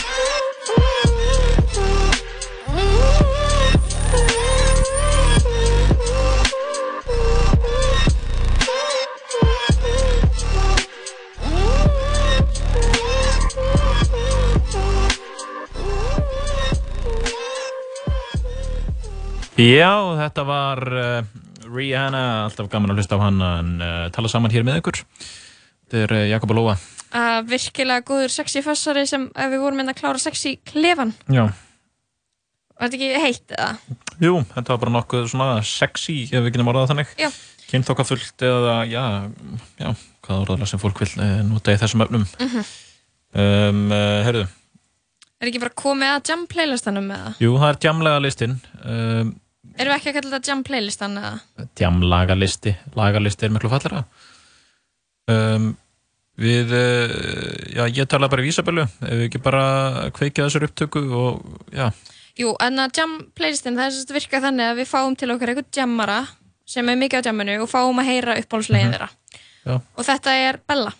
Ísabella Lena. Ísabella Lena. Og hvað heitir hún á Instagram? Ísabella Lena á Instagram, uh, fylgið henni við Guð- Guðs lifandi bænum. Já, annars er þið missing out sko. Mm Ég ætla bara að spila þetta, gjör þið svo vel. Við uh, heyrumst aftur og eftir. Mhm. Já, kæru hlustandi, tala saman hér með ykkur og já, við erum komin í já, djamlaga listan Hvað ertu að gera? uh, Hinga til minn er, er komin sérstakur djamgestur og uh, já, gesturinn að þetta sinn er ekkit að verri tónum. Hún hérna hún uh, er fyrirvarandi sambíluskona mín uh, hún er uh, hún er sálfræðinemi og er að fara í skiptinám til Danmerkur uh, á annað ári í sálfræði hún er barþjón og þetta er að sjálfsögðu Ísabella Lena, verður velkomin Takk fyrir það. hvernig hefur það? Ég hef það bara mjög gott sko. Var þetta nógu góð kynning? Þetta var bara fínt. E eitthvað sem að, eitthvað sem að vantaði Það er að vera flokkstjóri í vinnskólanum. Eða, þú ert flokkstjóri í veit. Mér finnst það alveg mikilvægt sko meina, Það er mjög mikilvægt sko. Flest- Ég er búin að læra mjög mikið og mér finnst það búið að vera að móta mig sem manneski mjög mikið núna í sumar sko. nefnilega sko Ég var í fyrirsumar þegar við byggum saman Þú mannst eftir því Ég þarf að segja sögu frá því. Já, já, Ok, þú veist, já. hún má ekki vera of gróf kannski, en, Mm, nei, nei, en- en ég samt sko þó svo að með, ég, átrúlega, ég átti svolítið erfitt með þessa vinnu að mörguleiti, hérna, bara svona tímanir og svona Bara vakna snemma. Já, en mér fannst útrúlega, það er úkislega gaman að vinna með Það er nefnilega úrslega skemmtilegt. Og líka því að þetta er aldrei um það sem þau eru svona, er að verða að manneskjum. Einmitt. Þau eru ekki beint til fyrir núna þeir eru svona að byrja að hugsa um mentaskóla og Og- svona, ég veit ekki það, þau eru að verða að manneskjum maður finnur eitthvað hvað er mikilvægt að tala við þau bara eins og alveg manneskur algjörlega og vera ekkert að bulla í þeim Einmitt. bara vera hreinskili við ég er þau og- mjög hreinskilin við þau. Einmitt. það er ótrúlega, En ég ótrúlega. ætla að segja litla sögu þegar sensta sumar þegar þú varst flokkstur í vinnuskólanum Já.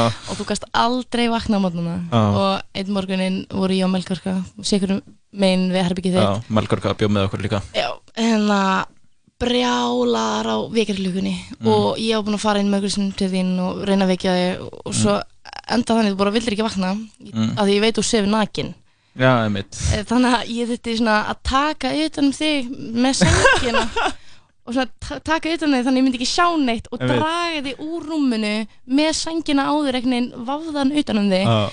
og draga þig niður á gólfi og þá varstu eitthvað, hvað ertu að gera?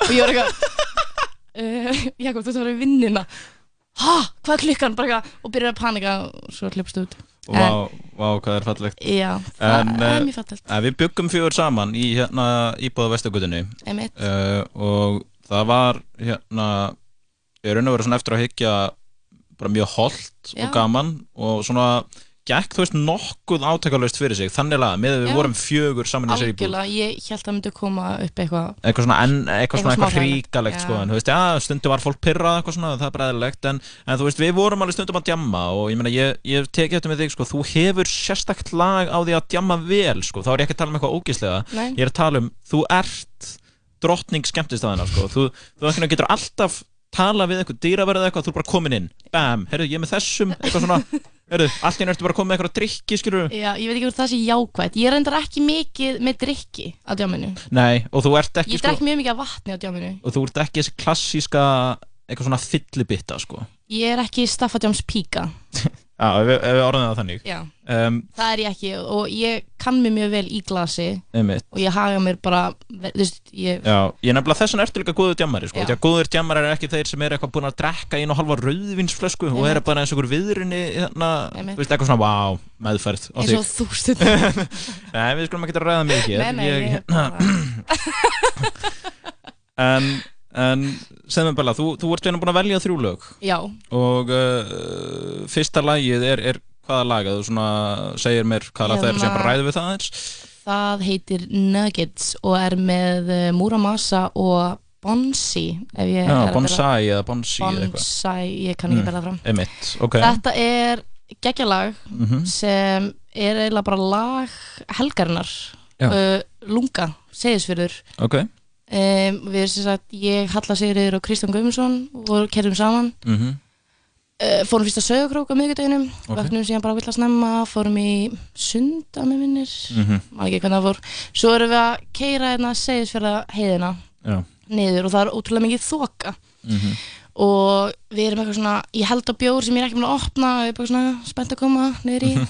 Þú veist, dalinn, ef maður kalla það eða þetta er svolítið svona, maður er svona keira niður Já, maður, þetta er, að að þetta er umkringt fjöllum þannig að maður líður svolítið eins og maður sé svona í einhverjum svona Þetta er bara svo lítil hóla Já, þetta er það sem er ótrúlega Já. Allavega við erum að keira hann niður og það er þoka og Kristján sittur þetta lag á. Og ég er bara eitthvað ok, bara eitthvað svona, opna bjórum minn eitthvað, ok, mm bara komin eitthvað stemningu. Síðan byrja hann bara að syngja ekki mikið með, dansa ekki mikið og svo spyrjum við að svo sérst glitta í segisfjörðin mm. og við erum að mæta þarna á staðin keirin í bæinn með þetta lag í gangi áopna fyrsta bjórin Mm. og þetta var bara, þetta var eitthvað svo gott moment Já. og þetta var bara lag sem við hlustum á á replay Þetta er oft, þetta er oft bestu svona djamlaga momentin finnst Já. mér. Það er eitthvað svona í aðdraganda djamsins. Kemur eitthvað lag sem bara setur tónin fyrir allt kvöldið. Algjörlega. Og það er svona annars vegar það og síðan svona sum lög sem er alveg stórmagnað þegar eru spiluð Einmitt. þegar fólk er að dansa sko. En eigum við að heyra Nuggets með Muramasa og uh, Bonsai? Endilega. Látum að reduced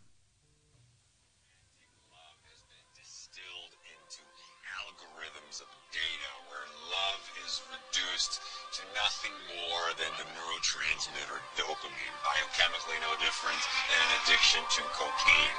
Imagine that.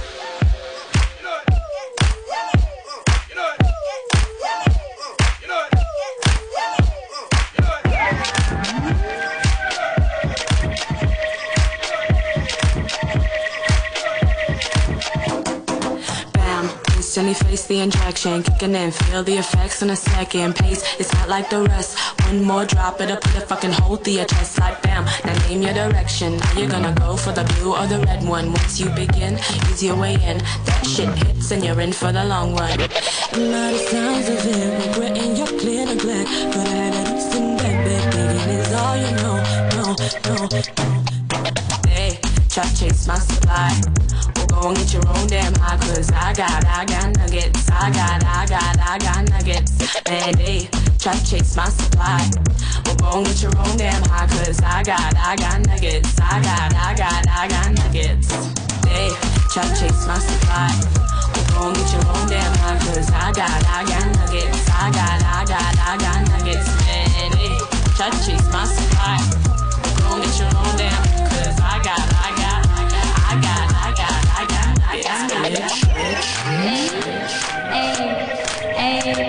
When I touch base with the contenders, I relate the rules to remember. Don't cave if I let you in under my skin. Lights out by 10, like bam. Now days to the dreams in your head, days to the dreams in your head. Run out a drum, go get you some. That shit hits and you're in for the long run. Now the sounds of it, regretting your clear neglect. Could I have it in bed, bed, begging is all you know. Try to chase my supply. Well, go and get your own damn high, cause I got, I got nuggets. I got, I got, I got nuggets. Man, they try to chase my supply. Well, go and get your own damn high, cause I got, I got nuggets. I got, I got, I got nuggets. They try to chase my supply. Well, go and get your own damn high, cause I got, I got nuggets. I got, I got, I got nuggets. Man, they try to chase my supply. Well, go and get your own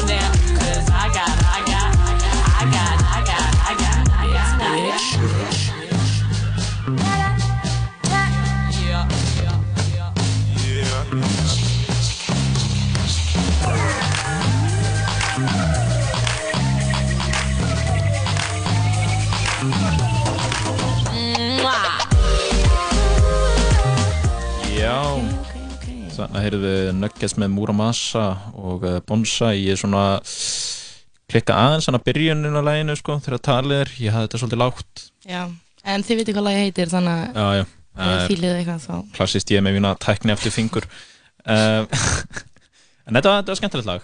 Svona, Ég sé þetta alveg fyrir mér fólk að keira niður hérna í svona seyðisfjörðin yfir hæðina sko. Já. horfa fjöllin og fossa á maður Þetta sást ekkert mikið á mjög mikil þoka en, Já, ok, en það það, það var samt, maður fann fyrir bara, þú veist, veggjónum í kringu sig. Já, það var svona virki. Það nefnilega að þetta er svona sumir kannski fá einhvers konar uh, innilokunar kent í svona aðstæðum en sumir, flestum finnst þetta bara kósi held ég Einmitt. Ég fór síðan, ég fór á hérna kajak með pappa mínum á Seyðisfirði Aha. og við sildum hérna svona smá ring í kringum fjörðin eiginlega. Ok. Það var geðveikt. Það ekki. Var svo næs. Ok, það er sweet. Vá, ég vildi að þið vera þar. Hvað varst þú að gera? Ég var bara eitthvað heima hérna, ég var aðeins í einhverja stórsæstíðinu verkefni á fyrstu deginum og sem var ég eitthvað með hundi minn um helgina og eitthvað og var bara, þannig ég var eiginlega bara rólugur Byrju, Ha, kýttu þið snorri ekki eitthvað út af lífið? uh, að Jú, við hittumst, við hittumst aðeins þannig eitt kvöldið en Já. annars var ég bara mjög rólegur. En uh, hvað segirðu, hvað segir mér að mm, þú varst með, þú ert með annað djamlag hérna? Já, hérna, þetta lag sem ég vona allir þekki Þetta er One More Time með Daft Punk. Mitt. Þetta er mjög vinsalt lag algjörlega. Um, Þetta er Þetta er bara klassískt djamlag Það er Einmitt. alltaf bara stemning þetta lag er spilað. Það er, Mhm. því að það þekkja allir svona semi-textan Einmitt. Þannig að það er allir bara að hoppa á gaman og, ok. Mhm. En hérna, svona, ég er alveg búin að hlusta á þetta lag í mörg ár En ég fæst alltaf eina svona minningu við þetta lag og það var því ég fór á hróaskeldu með höllu vinkunum minni Mm. við fórum hérna daginn við fórum á svæðið þú veist, á hróaskeldu, við vorum í köpen við Mm. vorum í á frengum minni dag Já. fórum við á Jolene að djamma í já. og hérna við erum bara eitthvað þú veist, frændi minn var að vinna þarna þannig að hann eitthvað að tala bara við gaur og við fengum bara frían bjór og frítt, frí skot allt kvöldi Já. og bara eitthvað, þú veist, það var gett lengur röð og við, þetta var bara svona, hann var búin að plugga allir fyrir okkur þannig við bara mættum hann eitthvað, fórum inn fengum alltaf bara frí að drikki og vorum Bara- bara, eitthvað Klassíst Isabella Lena bara komin að tjammið og, og lendir í þessu. Ángríms, já. Það, uh, já. En Ok. hérna, síðan voru við búin að vera inn eitthvað að dansa og gaman. Síðan voru við bara orðin eitthvað, frekar mökkar vorum fyrir utan Jolene. Já, sjáum við eitthvað svona reistórun hátalara aðeins lengra ef ykkur hefur verið í kuðbín þá vita ég hvað þetta tala um. Þetta er bara svona stórt svona svona hérna bara svæði eða svona Já. bara fyllt að hérna stæðum, þetta er bara svona bílastæði eða reisastórt bílastæði. Um mitt en engi bílar, þetta er bara svona Um mitt eitt plan. Og hérna eitthvað reistór hátalara og eitthvað fólk að dansa. Mm. og við erum bara eitthvað, við fyrir að kíkja með eitthvað. Og við erum bara eitthvað að dansa og svo allt í eru bara ótrúlega margi komnir og það er ógslag há tónlist og þetta er úti bara eitthvað saumanótt og, og ég á eitthvað vídeo í símanum mínum bara eina vídeo frá þessu kvöldi og þá er One More Time undir og við erum að hoppa og dansa við með bara fullt af ykkur random fólki og allir bara eitthvað, að ég veit ekki, bara mjög góð orka Veitu hvaða ári er þetta séru? þetta er 2017 2017 í Danmarku e, í júli Já. já, fyrir bara nákvæmlega tveim, tveimur árum Og hvernig var þessu ferð? E, þetta var erfitt sko, daginn eftir ok, já, daginn eftir þetta jam þegar við fórum upp á svæðið átti ég versta þingudag lífsmíns ég er bara orðfæð ekki líst hvað ég þjáðist þannig dag Já. við hérna, frænka mín að ég var svo ógeðslega þunn þá Mm. hérna, bauðist frænka mín til að skuttla okkur Mm. eitthvað áleiðis Mm. Og hérna, við þurftum að fara að kaupa eitthvað tjöld og stóla og eitthvað svona redda ekki að miklu og ég var bara eitthvað lekandi niður, ég gæti ekki þú veist, ég, ég var bara eitthvað ekki til um, ég maður bara eftir að við vorum við þurftum bara að borða. Við fórum eitthvað á hérna McDonalds Já. og ég þurfti svona að fara út í bílnum og lappa með bílnum að mig að frænka mér var að keira á McDonalds að ég gæti ekki setið inn í bílnum Já. þannig hún var bara á þú veist, fimm eða eitthvað og ég var bara að lappa með frá bílnum Um mitt um, já, það var svolítið svona stemningin Já. en uh, svo löpuðum við eitthvað held ég 15 kilometra Mm. fyrsta daginn af því að við þurftum að lappa fram og tilbaka Mm. vissum ekki hvort það var að segja passan okkar og tjaldsvæði var lof eitthvað svona, þetta var bara eitthvað Þetta var bara alls konar stús og vesen Já. og útréttingar rosalega mikið í vesen. verstu þingu sem þú er já, en það var samt, þetta var samt bara fínt. Skilur, þegar þegar svona um kvöldi þegar voru búin að setja allt upp tjöldin og þá var ég bara svona já, já, það var bara lagi. En þú ert ekkert vönið að vera svo timpröðu það?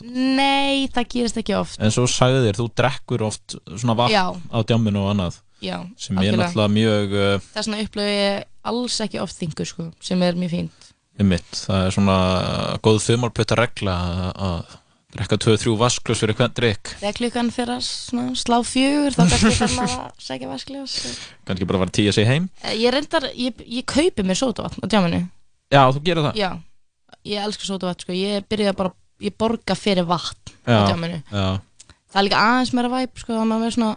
Búblur í, búblur í glasinu. Já. Það er aðeins meira sexy. Og ég mitt líka bara sóta vatni er næs, Já. það er gott. Algjörlega. En uh, já, þetta er talað saman og tjamlega listin. Við erum Ísabæri Lenu og við erum að fara að- að hendi í lag nummer 2 Þetta er One More Time með Daft Punk, eða ekki? Og uh, þú hlustar á þetta í Danmörku 2017 eina myndbandi svo átt að þessu rosalega fría áfengist jamkvöldi Einmitt. og daginn eftir áttir við einhverja vestu þingu sem þú klimt við. Já. Það er bara æðislegt Við skulum, við skulum fá að uh, já, heyra þetta lag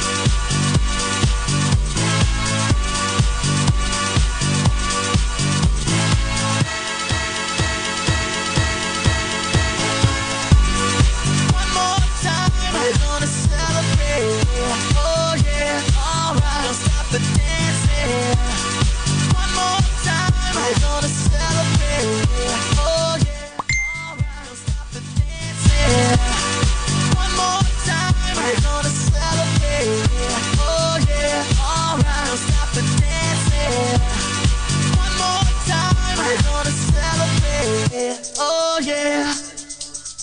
One more time.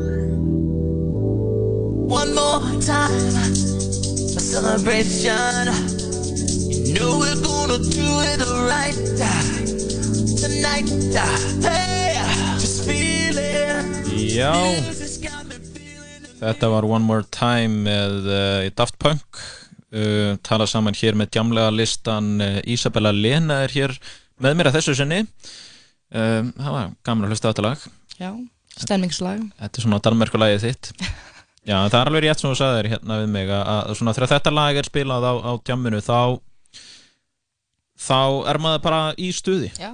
Veist, maður getur verið þunglindur, bara þetta átó- Já. átóstuð. Bam, komin á, komin á dansgólfið sko Algjörlega.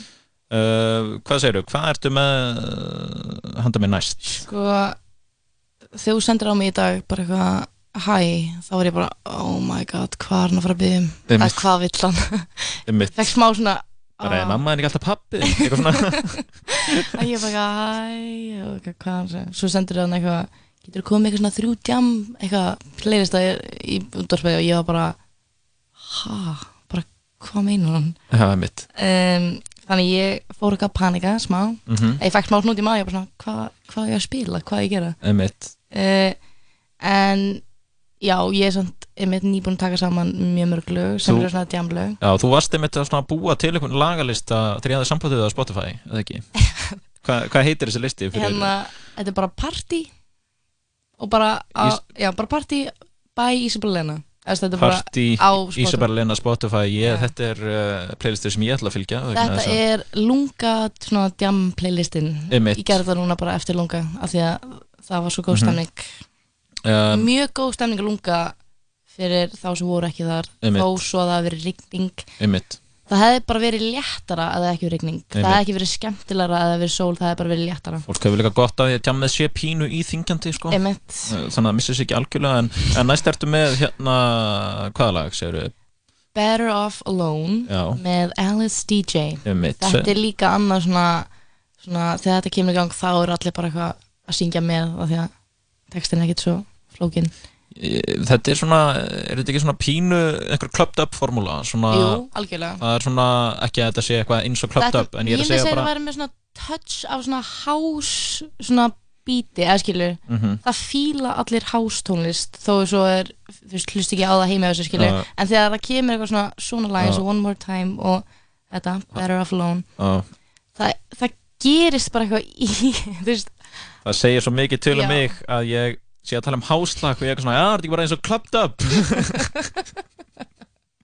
Já. bara já, alveg rétt uh, jú, jú, þetta er bara svipað hérna, og áttu eitthvað svona skemmtilega þú veist, skjamsug, einhverja minningu eitthvað, eitthvað sem kannski tengist þessu lagi eða sko, ekki beint Nei. þetta er bara lag sem ég er búin að hlusta á í alla morgun Já. ég bara var með þetta, ég vaknaði alltaf með þetta bara á heilanum við náttúrulega bjuggum saman Já. uh, í heilt ár og þá vaknaði maður oft svona mótnana uh, samt bara á svona fínum tíma sko. og þá Já. var oft eitthvað svona í gang. Þú ert alveg fyrir að keira því í ganga mótnana já, algjörlega. Eins og Ah. í morgun þá var ég bara ég, klukkan var hvað, 8.25 ég var að mæta 8.30 Já. niður hljómskóligarð Já.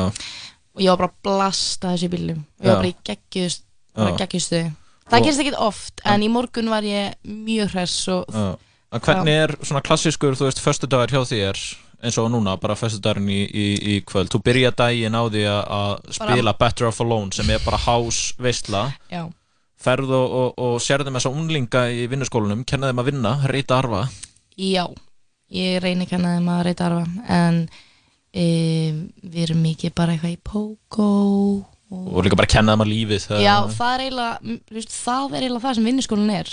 Það er að Já. kenna krökkum bara svona félags eitthvað, samskipti. og að vinna aðeins er svona fín leið til þess sko, krakkar að reyta arfa en einhverjum leikjum á meðan sko, ég man það er oft svona eitthvað spjall í gangi á meðan maður er að reyta arfan og svona. Einmitt. Við erum mikið sko á enn einum af því að við erum ekki beint með neitt skúr eða svona eitthvað, það er ekkert ljós eða Nei. rafmagn eða hitin í skúrnum þannig að við röldum oft yfir á enn einn og erum bara eitthvað chilla þar, fá okkur söpbi kannski kaffi og köku. Eitthvað, en þá mitt, þar erum við að spjalla og spila og þetta er úslanæs og Mm. það er svo fyndi hvað krakkanir eru þau eru svo klár. Já, og það er bara svona því ég er að tala við það er bara svona, ha, ertu orðið manneski þú veist, þú er svo lítil, eða skilur þau eru svo lítil og það eru eru samt bara svona skemmtilega nálægt manni í aldri. Þú Já. ert uh, 20 ára já, að verða. Já, fætt 99 hvað, 5. september? Já. Já, mitt ég man svona dag oft uh, Þú átt að maður í 5. september uh, þá eru 20 ára sko, hvað er þessi krakkar gamlir? 14, 15 sko, ára? ég er búin að vera með krakka sem er fættir árið 2004 Já. fyrstu tvö tímabilin en núna er ég með krakka sem er fætt 2003 og þau eru að fara í mentaskóla Já, það er það, Reykjavík. það er mjög skemmtilegt sko. af því að svona, maður hefur ekkert mikið að segja á þessi krakka eða tala um nema bara eitthvað svona mentaskóli Einmitt. í hvað mentaskóla það fara Einmitt. af hverju, hvað Já, braut einmitt. já ok, þessi böl lalala, þú veist, Já. tala um eitthvað svona Já. nýndi bekkurinn, eða þú veist, þau sem eru fætt 2004 Já.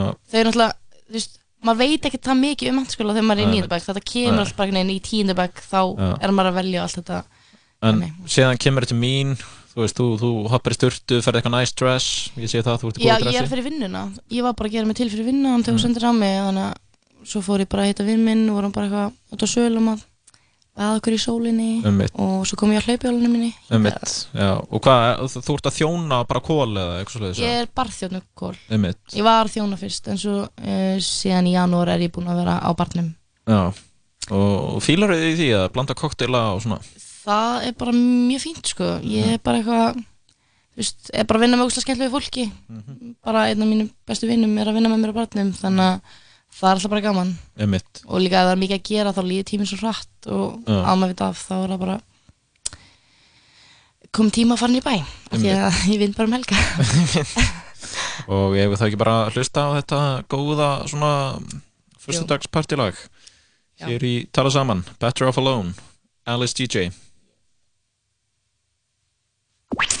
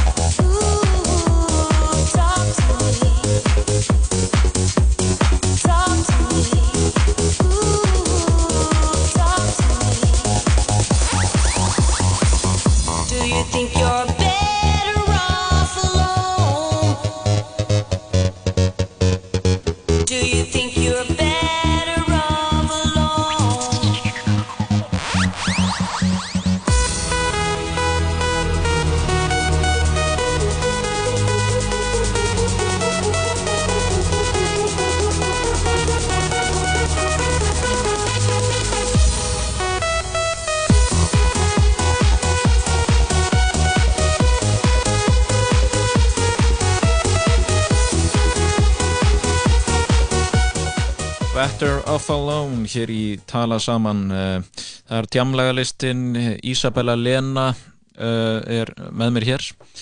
Já. þetta var stór skemmtilegt lag. Epic lag. Já, og þetta er svona þetta kemur hann eiginlega alltaf ekki í raun ég hef alveg einhvern tímann leiðið þunglutur upp við sófa á nærbuksunum og einhverju byrjað að spila þetta og ég hef alveg svona staðið upp og bara notið kvöldsins. En uh, herrið, þú varst með hérna, þú er búin að velja þrjú lög en við ákveðum að hafa þetta fjögur. Þú svona þú ert nefnilega þú ert góð í að velja lög eins og vorum að ræða þann þegar ég hafði sambandi við þig þá varst einmitt að búa til playlista Party by Isabella Lena á Spotify. Ég er svona hlakka til að kíkja á það sko. Ég er nefnilega, ég á svolítið erfitt með muna nöfn á lögum og þú ert ekki, þú veist aldrei hvað artist er að spila hvað. Nei, en ég er Og- samt með mjög góðan tónlistasmekk Já, sko á mínum já, já, þú, já, jú. En þú veist, jú, jú, það má deila um það Hvað heitir hann aftur? Bak, Bakar Já, Bakar Bakar Ég var einhvers staðar, eh, ég var bara hagavagnum í gerð eitthvað og voru að spila hann Já, það Það var skemmtilegt, hann er Já. byrjað að slæðast Einmitt. Slæðast inn í svona Já, ég held ég að heyrt hann í fyrst skipti sko þegar því strákunum voru að spila það heima Mhm. Eitthvað, þetta er orðið, hann er orðið frekar stór núna Já. að ég er að heyra hann svona hjá krökkunum í vinni og svona. Já, eru þau allur staðan? Já, þau voru að spila hann daginn. Ég er ofta á undan mínu samtíma svona í tónlistavali en, en næsta lag, þá var eitthvað hérna Það heitir Andromeda. Já. Andromeda með Gorillaz sem er uppáhalds hljómsveitin mín. Já, og hérna e, já. Með Dram. án, já, um já. Ég fór sér sagt á tónleikana um, þegar voru á túra með nýju plötinu sinni sem þetta lag er á. Já, og ég fór með pappa mínum og við hittum frænku mína og frænda úti. Já, og hérna hvenær var þetta? þetta var uh, november 2017 Já, og þá er ég mitt nýbyrðað kól en hérna og við þurfum eitthvað, erum að fara á svæði ákveðum að kíka í drikk fyrst eitthvað. Og pabbi minn heldur að ég sé ekki byrjað að drekka heldur að ég sé að fá mig fyrsta bjórinn þarna og eitthvað svona og svo er ég eitthvað hann var bara eitthvað, fannst ekki að basic að ég væri að drekka bara bjór það Já. finnst einhver bjór góður í fyrst skipti að mér fannst alltaf ekki og ég það ekki margar sem finnst það ekki og svo er ég bara eitthvað búin að drekka þrjá bjóra og svo panta frendi minn eitthvað svona, svona tíu skot á svona bakka Já, já. og kem með og ég og hann erum bara eitthvað að stúta þeim niður Já. pappi er bara eitthvað horfur á mig og svona ég held að hann vil, vildi bara ekki trúa því að, að það væri ekki fiskir sem ég var að drekka skilja því að þetta Einmitt. r- rann svo vel niður Einmitt. Eðlilega. Þetta er svona gekk, þetta frekar svona auðveldlega fyrir sig Já, e, þetta var mjög skemmtilega ferð sko og tónleikan er alveg geggjaðir og eitt kvöldi endaði reyndar frekar svona, við þurfum að senda pappa minn og systur hans heim í leigubíl af því þau voru svo full. Það er svolítið þannig að það verðist vera þannig að þegar þú fært til Danmörkur þá er fólk að djamma yfir sig. Það, getur það verið rétt? Sko, já. Þú, sko, þú hefur, þú hefur verið mikið í Danmörku, Isabella. Já, ég er náttúrulega Þú- fættist þar. Þú fæðist þar, Já. ert mikið þar svona í gennum tíðina. Já, ég fer örgulega svona einu svona ári Já. til Danmarkur og ert núna að fara að flytja hérna í heilt ár til Hróarskjöldu eða ekki? Reynda bara fimm mánuði, sex mánuði. Já, ok, þú ert bara í halvt ár. Já, að ég er með skóla vist í ár en sálfræðin er bara kend í halvt ár. Eða það er sama námsefni fyrir Ok. og eftir áramót. Þannig að ég mun bara vera þarna í eina enn Þú verður þarna í skiptinám í Danmörku í halvt ár. Og, uh, og svona þannig að það gæti verið að, að svona eins og fyrri dæmi sína að, að þú munir setja skólan á hliðina Já, í bili alltaf hvernig var á, Jamskona hvernig var á Gorillaz tónleikum? Það var svo geðveikt. Þú veist, hvernig eru þeir um, Matt uh, Nei, Damon Albarn sem er hérna alsyngarinn Já. er bara tónlistum hann var í Blur líka sem er elgömmul, eða ekki elgömmul en svona freka gömmul uh, svona stráka hljómsveit frá Mhm.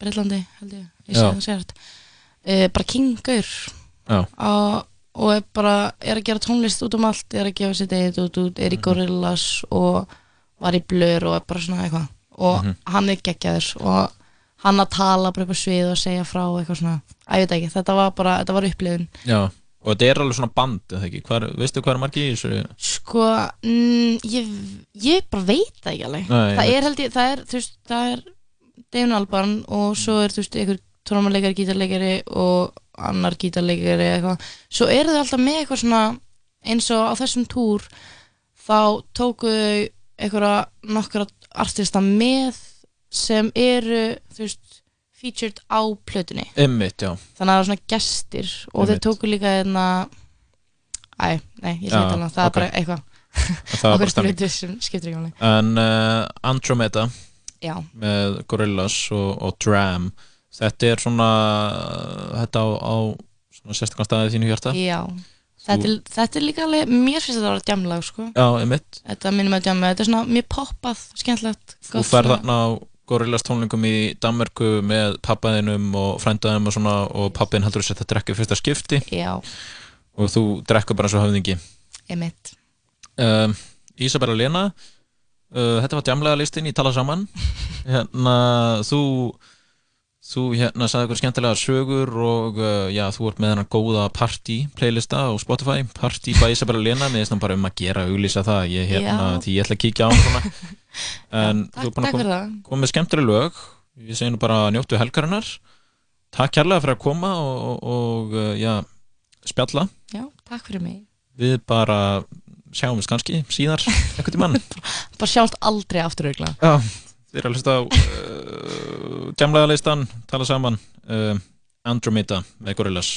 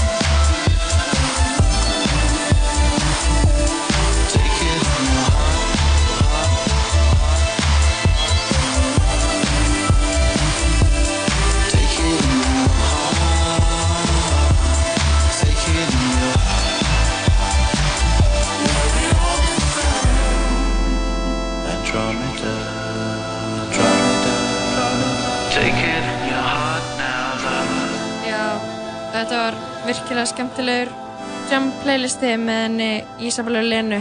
Já, jamlagalistin var písna sterkur uh, þennan fyrstu daginn og, og gaman að fá Isabel og Lennu. Það er svona, uh, ég væri eiginlega til að hafa hana meir í bara útvarp og sjónvarpi, sko. Það er alveg, Hún er frábær sko. hún er skemmtileg. Um, en já, þetta fyrir svona, þessu fyrir, loka? já, þessu fyrir að ljúka hjá okkur en tala saman þennan fyrstu daginn, Lóa. Já, þetta var góður fössari og við vorum á köplum með sexy, smá sexy stemmingu og eitthvað svona. Já, og ég meina tónlist getur verið kyn, kynþokkafull. Algjörlega, maður velur réttu hljómana. Mm, sexy. Herðu, er hérna, þetta var uh, sneisa fullur þáttur hjá okkur og uh, já, það var svona af nægu að taka við hófum þáttinn á því að já, spjalla við hann uh, Odd Þórðarsson. Hann kom með ottatalið, mm Mhm. hið síkilda ottatalið. Þetta er svona einhverju einn af elstu líðunum í Útvarpinu hérna. í okkur. útvarpinu hér sem hefur svona eh, gengið nokkuð svona greitt fyrir sig þetta hefur verið svona reglulegt, reglubundið um, hann talaði um ljósboga Mhm. sem uh, geta myndast í svona álverum og hættuna af því uh, hljómar dálítið leiðinlega þegar ég segja það núna en það var bara nokkuð fínt spjall og, og fínt að fá svona örskýringu á því hvaða ljósbogi nákvæmlega er. Sett þetta svolítið svona í samingi fyrir okkur, hversu svona hættulegt þetta er sko. Já, og síðan veltum við líka bara fyrir okkur sko álverum á Íslandi og, og svo frammeins, við fórum svo sem ekki djúft í það og vorum bara meira að velta vöngum. Mhm. En, Svo eftir það kom hún hérna Eva Sigurðardóttir til okkar, hún á ammal í dag en hún er líka listakona og hún er skiplega druslugönguna á samt fleiri, fleiri fólki.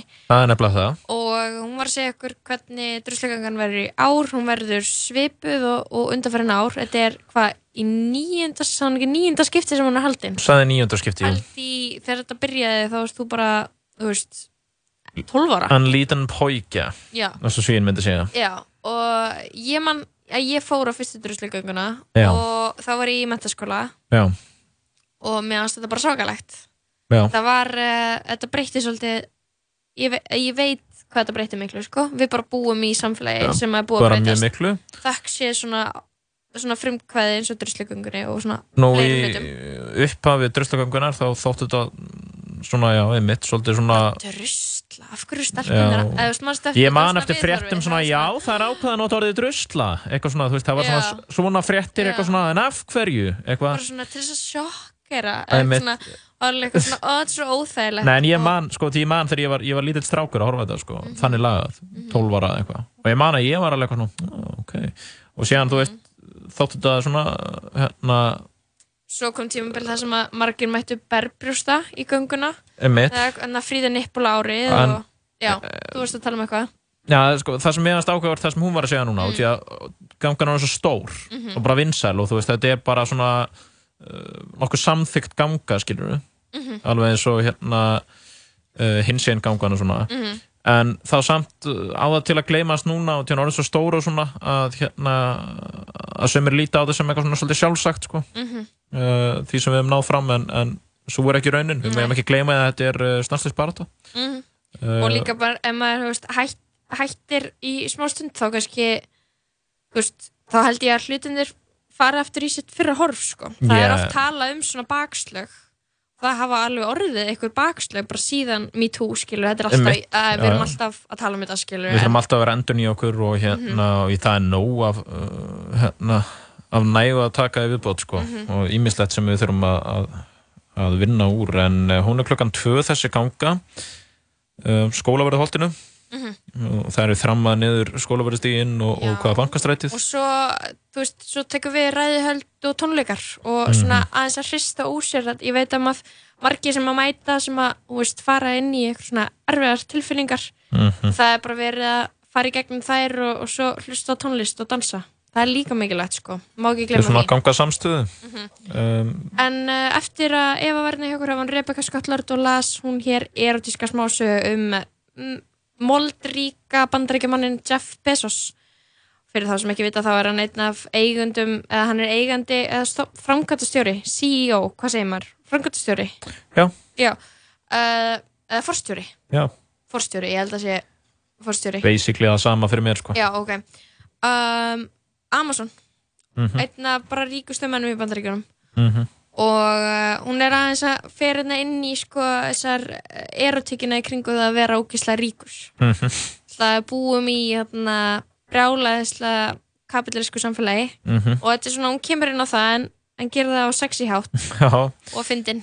Það var uh, skemmtilegt innslag á henni um, hlakka til að fylgjast meira, meira með þessu. Hún, hún sagði að, að það kemur jafnvel út bók eftir ekkert svo langan tíma. Hún er svona Já. að vinna í því að, smetla saman okkur sögum og, og semja meira. Mhm. við byrjum bara ofvæðin eftir slík bókinni. Já, ég lakka til að lesa hana. En svo var það tjamlagalistin sjálfur.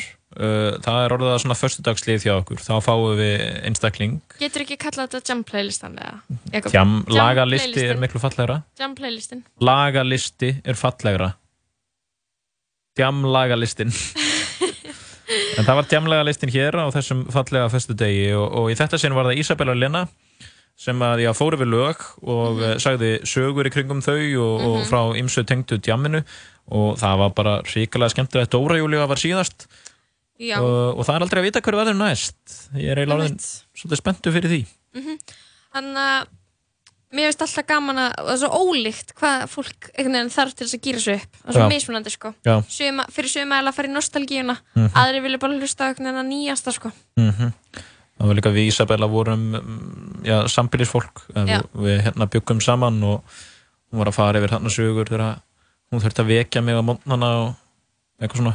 En ég var nakin þannig að það var eitthvað svona Já, til já. trafala þetta voru skemmtilega sögur sem voru að segja frá þarna þannig að þetta að Þegar þú segir við vorum sam, sambilisfólk Já. hún var að segja sögur af því að hljóma sem og þið hefur verið gift og það er skilið. við byggum fjögur saman uh, og við uh, við hérna, nei það er bara platónskost ást okkar á milli sko. við vorum aldrei áttum aldrei í holdlugu sambandi Nei, það er gott að það sé bara skýrt fyrir alla.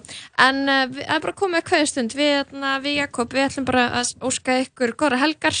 Og í guðana bænuð verið innan handar fyrir góða vinimæður Já, ef einhver segir Akkurat. hvað er, hvað er, uh, hvað er meistarinn að gera í kvöld? Bara að segja, erum við ekki bara að hitta þig? Ekki að flækja þetta? Nákvæmlega. Bara gangi hægt um gleðina dyr góða helgi, það verða skemmtilegi þættir inn á stöðunni uh, Pluto, á- háskaleikur eins og Allt vera. vanalega svo verður bara eitthvað spilu skemmtileg músík. Það er ekki flókið. fylgið Lóa Björk á Instagram. Já, gerir það. Og nú ætlum við bara að hlusta á eitt rosalega gott lag með honum offset, þetta er Cloud. Cardi B með laginu með honum á laginu, þau eru saman. Gjörðu svo vel. Diamonds on fleek, bitch ain't talking about heat. Uh, put it on, screw, straight up, screw, straight up, screws. Straight up, street to a penthouse. Straight up, street to a penthouse, Miami Beach. Yeah, yo. Talk crazy on tweets. They don't want it cause I come to defeat. They don't want it. I peek, these niggas all sweet. Bamboo sticks all in the Jeep. It's a new weirdo every week. Weirdo. Get the what, put it up for my seeds. Put it up. No cure for the IG disease. No do anything for clout. They do anything for clout. Anything. Do anything for clout. They do anything for clout. Do anything for clout. They do anything for clout. Do anything for clout. Bitch, watch your mouth. Bitch, stay in your place. Bitch, get out the way. Move. My bitch on your ass, Kim K. Yeah. No disrespect. The nigga be tripping, but we love, yeah. Swapping out cars with my bitch. I bought her the Lambo, she bought me the Wraith. Swap it. Practice, practice, practice, make perfect. Nigga, it's never too late. Never, never, never. I see the out of the snake. I take the soul out the snake. Then I see the bills up out of the bank. The blog and the media fake. Shout it DM me, I'm straight. I'm not gon' bite on the bait. Sipping no toxic waste. On the low with your bitch and it's great. On the low. Mask on the face, case. To that side, we in shape. If I go broke, she gon' leave, escape. She gone. I put two mil in the safe, just in case. Don't go my way. No cap, my kids gotta have money, not just me. It's selfish. It's selfish. Oh, I took the crown off the king like Mike did Elvis. Oh, I took it. Ooh, the world is wild, he dying, no lie, that don't help him. World is wild. Ooh, your bitch wanna eat up the drip and you cannot help it. Strap straight to a penthouse, Miami Beach. Yeah, yo. Niggas talk crazy on tweets. They don't want it cause I come to defeat. They don't want it. I peek, these niggas all sweet. Weak. Bamboo sticks all in the Jeep. It's a new weirdo every week. Weirdo. Get the what, put it up for my seeds. Put it up. No cure for the IG disease. No cure. Do anything for clout. They do anything for clout. Do anything for clout. They do anything for clout. Do anything for clout.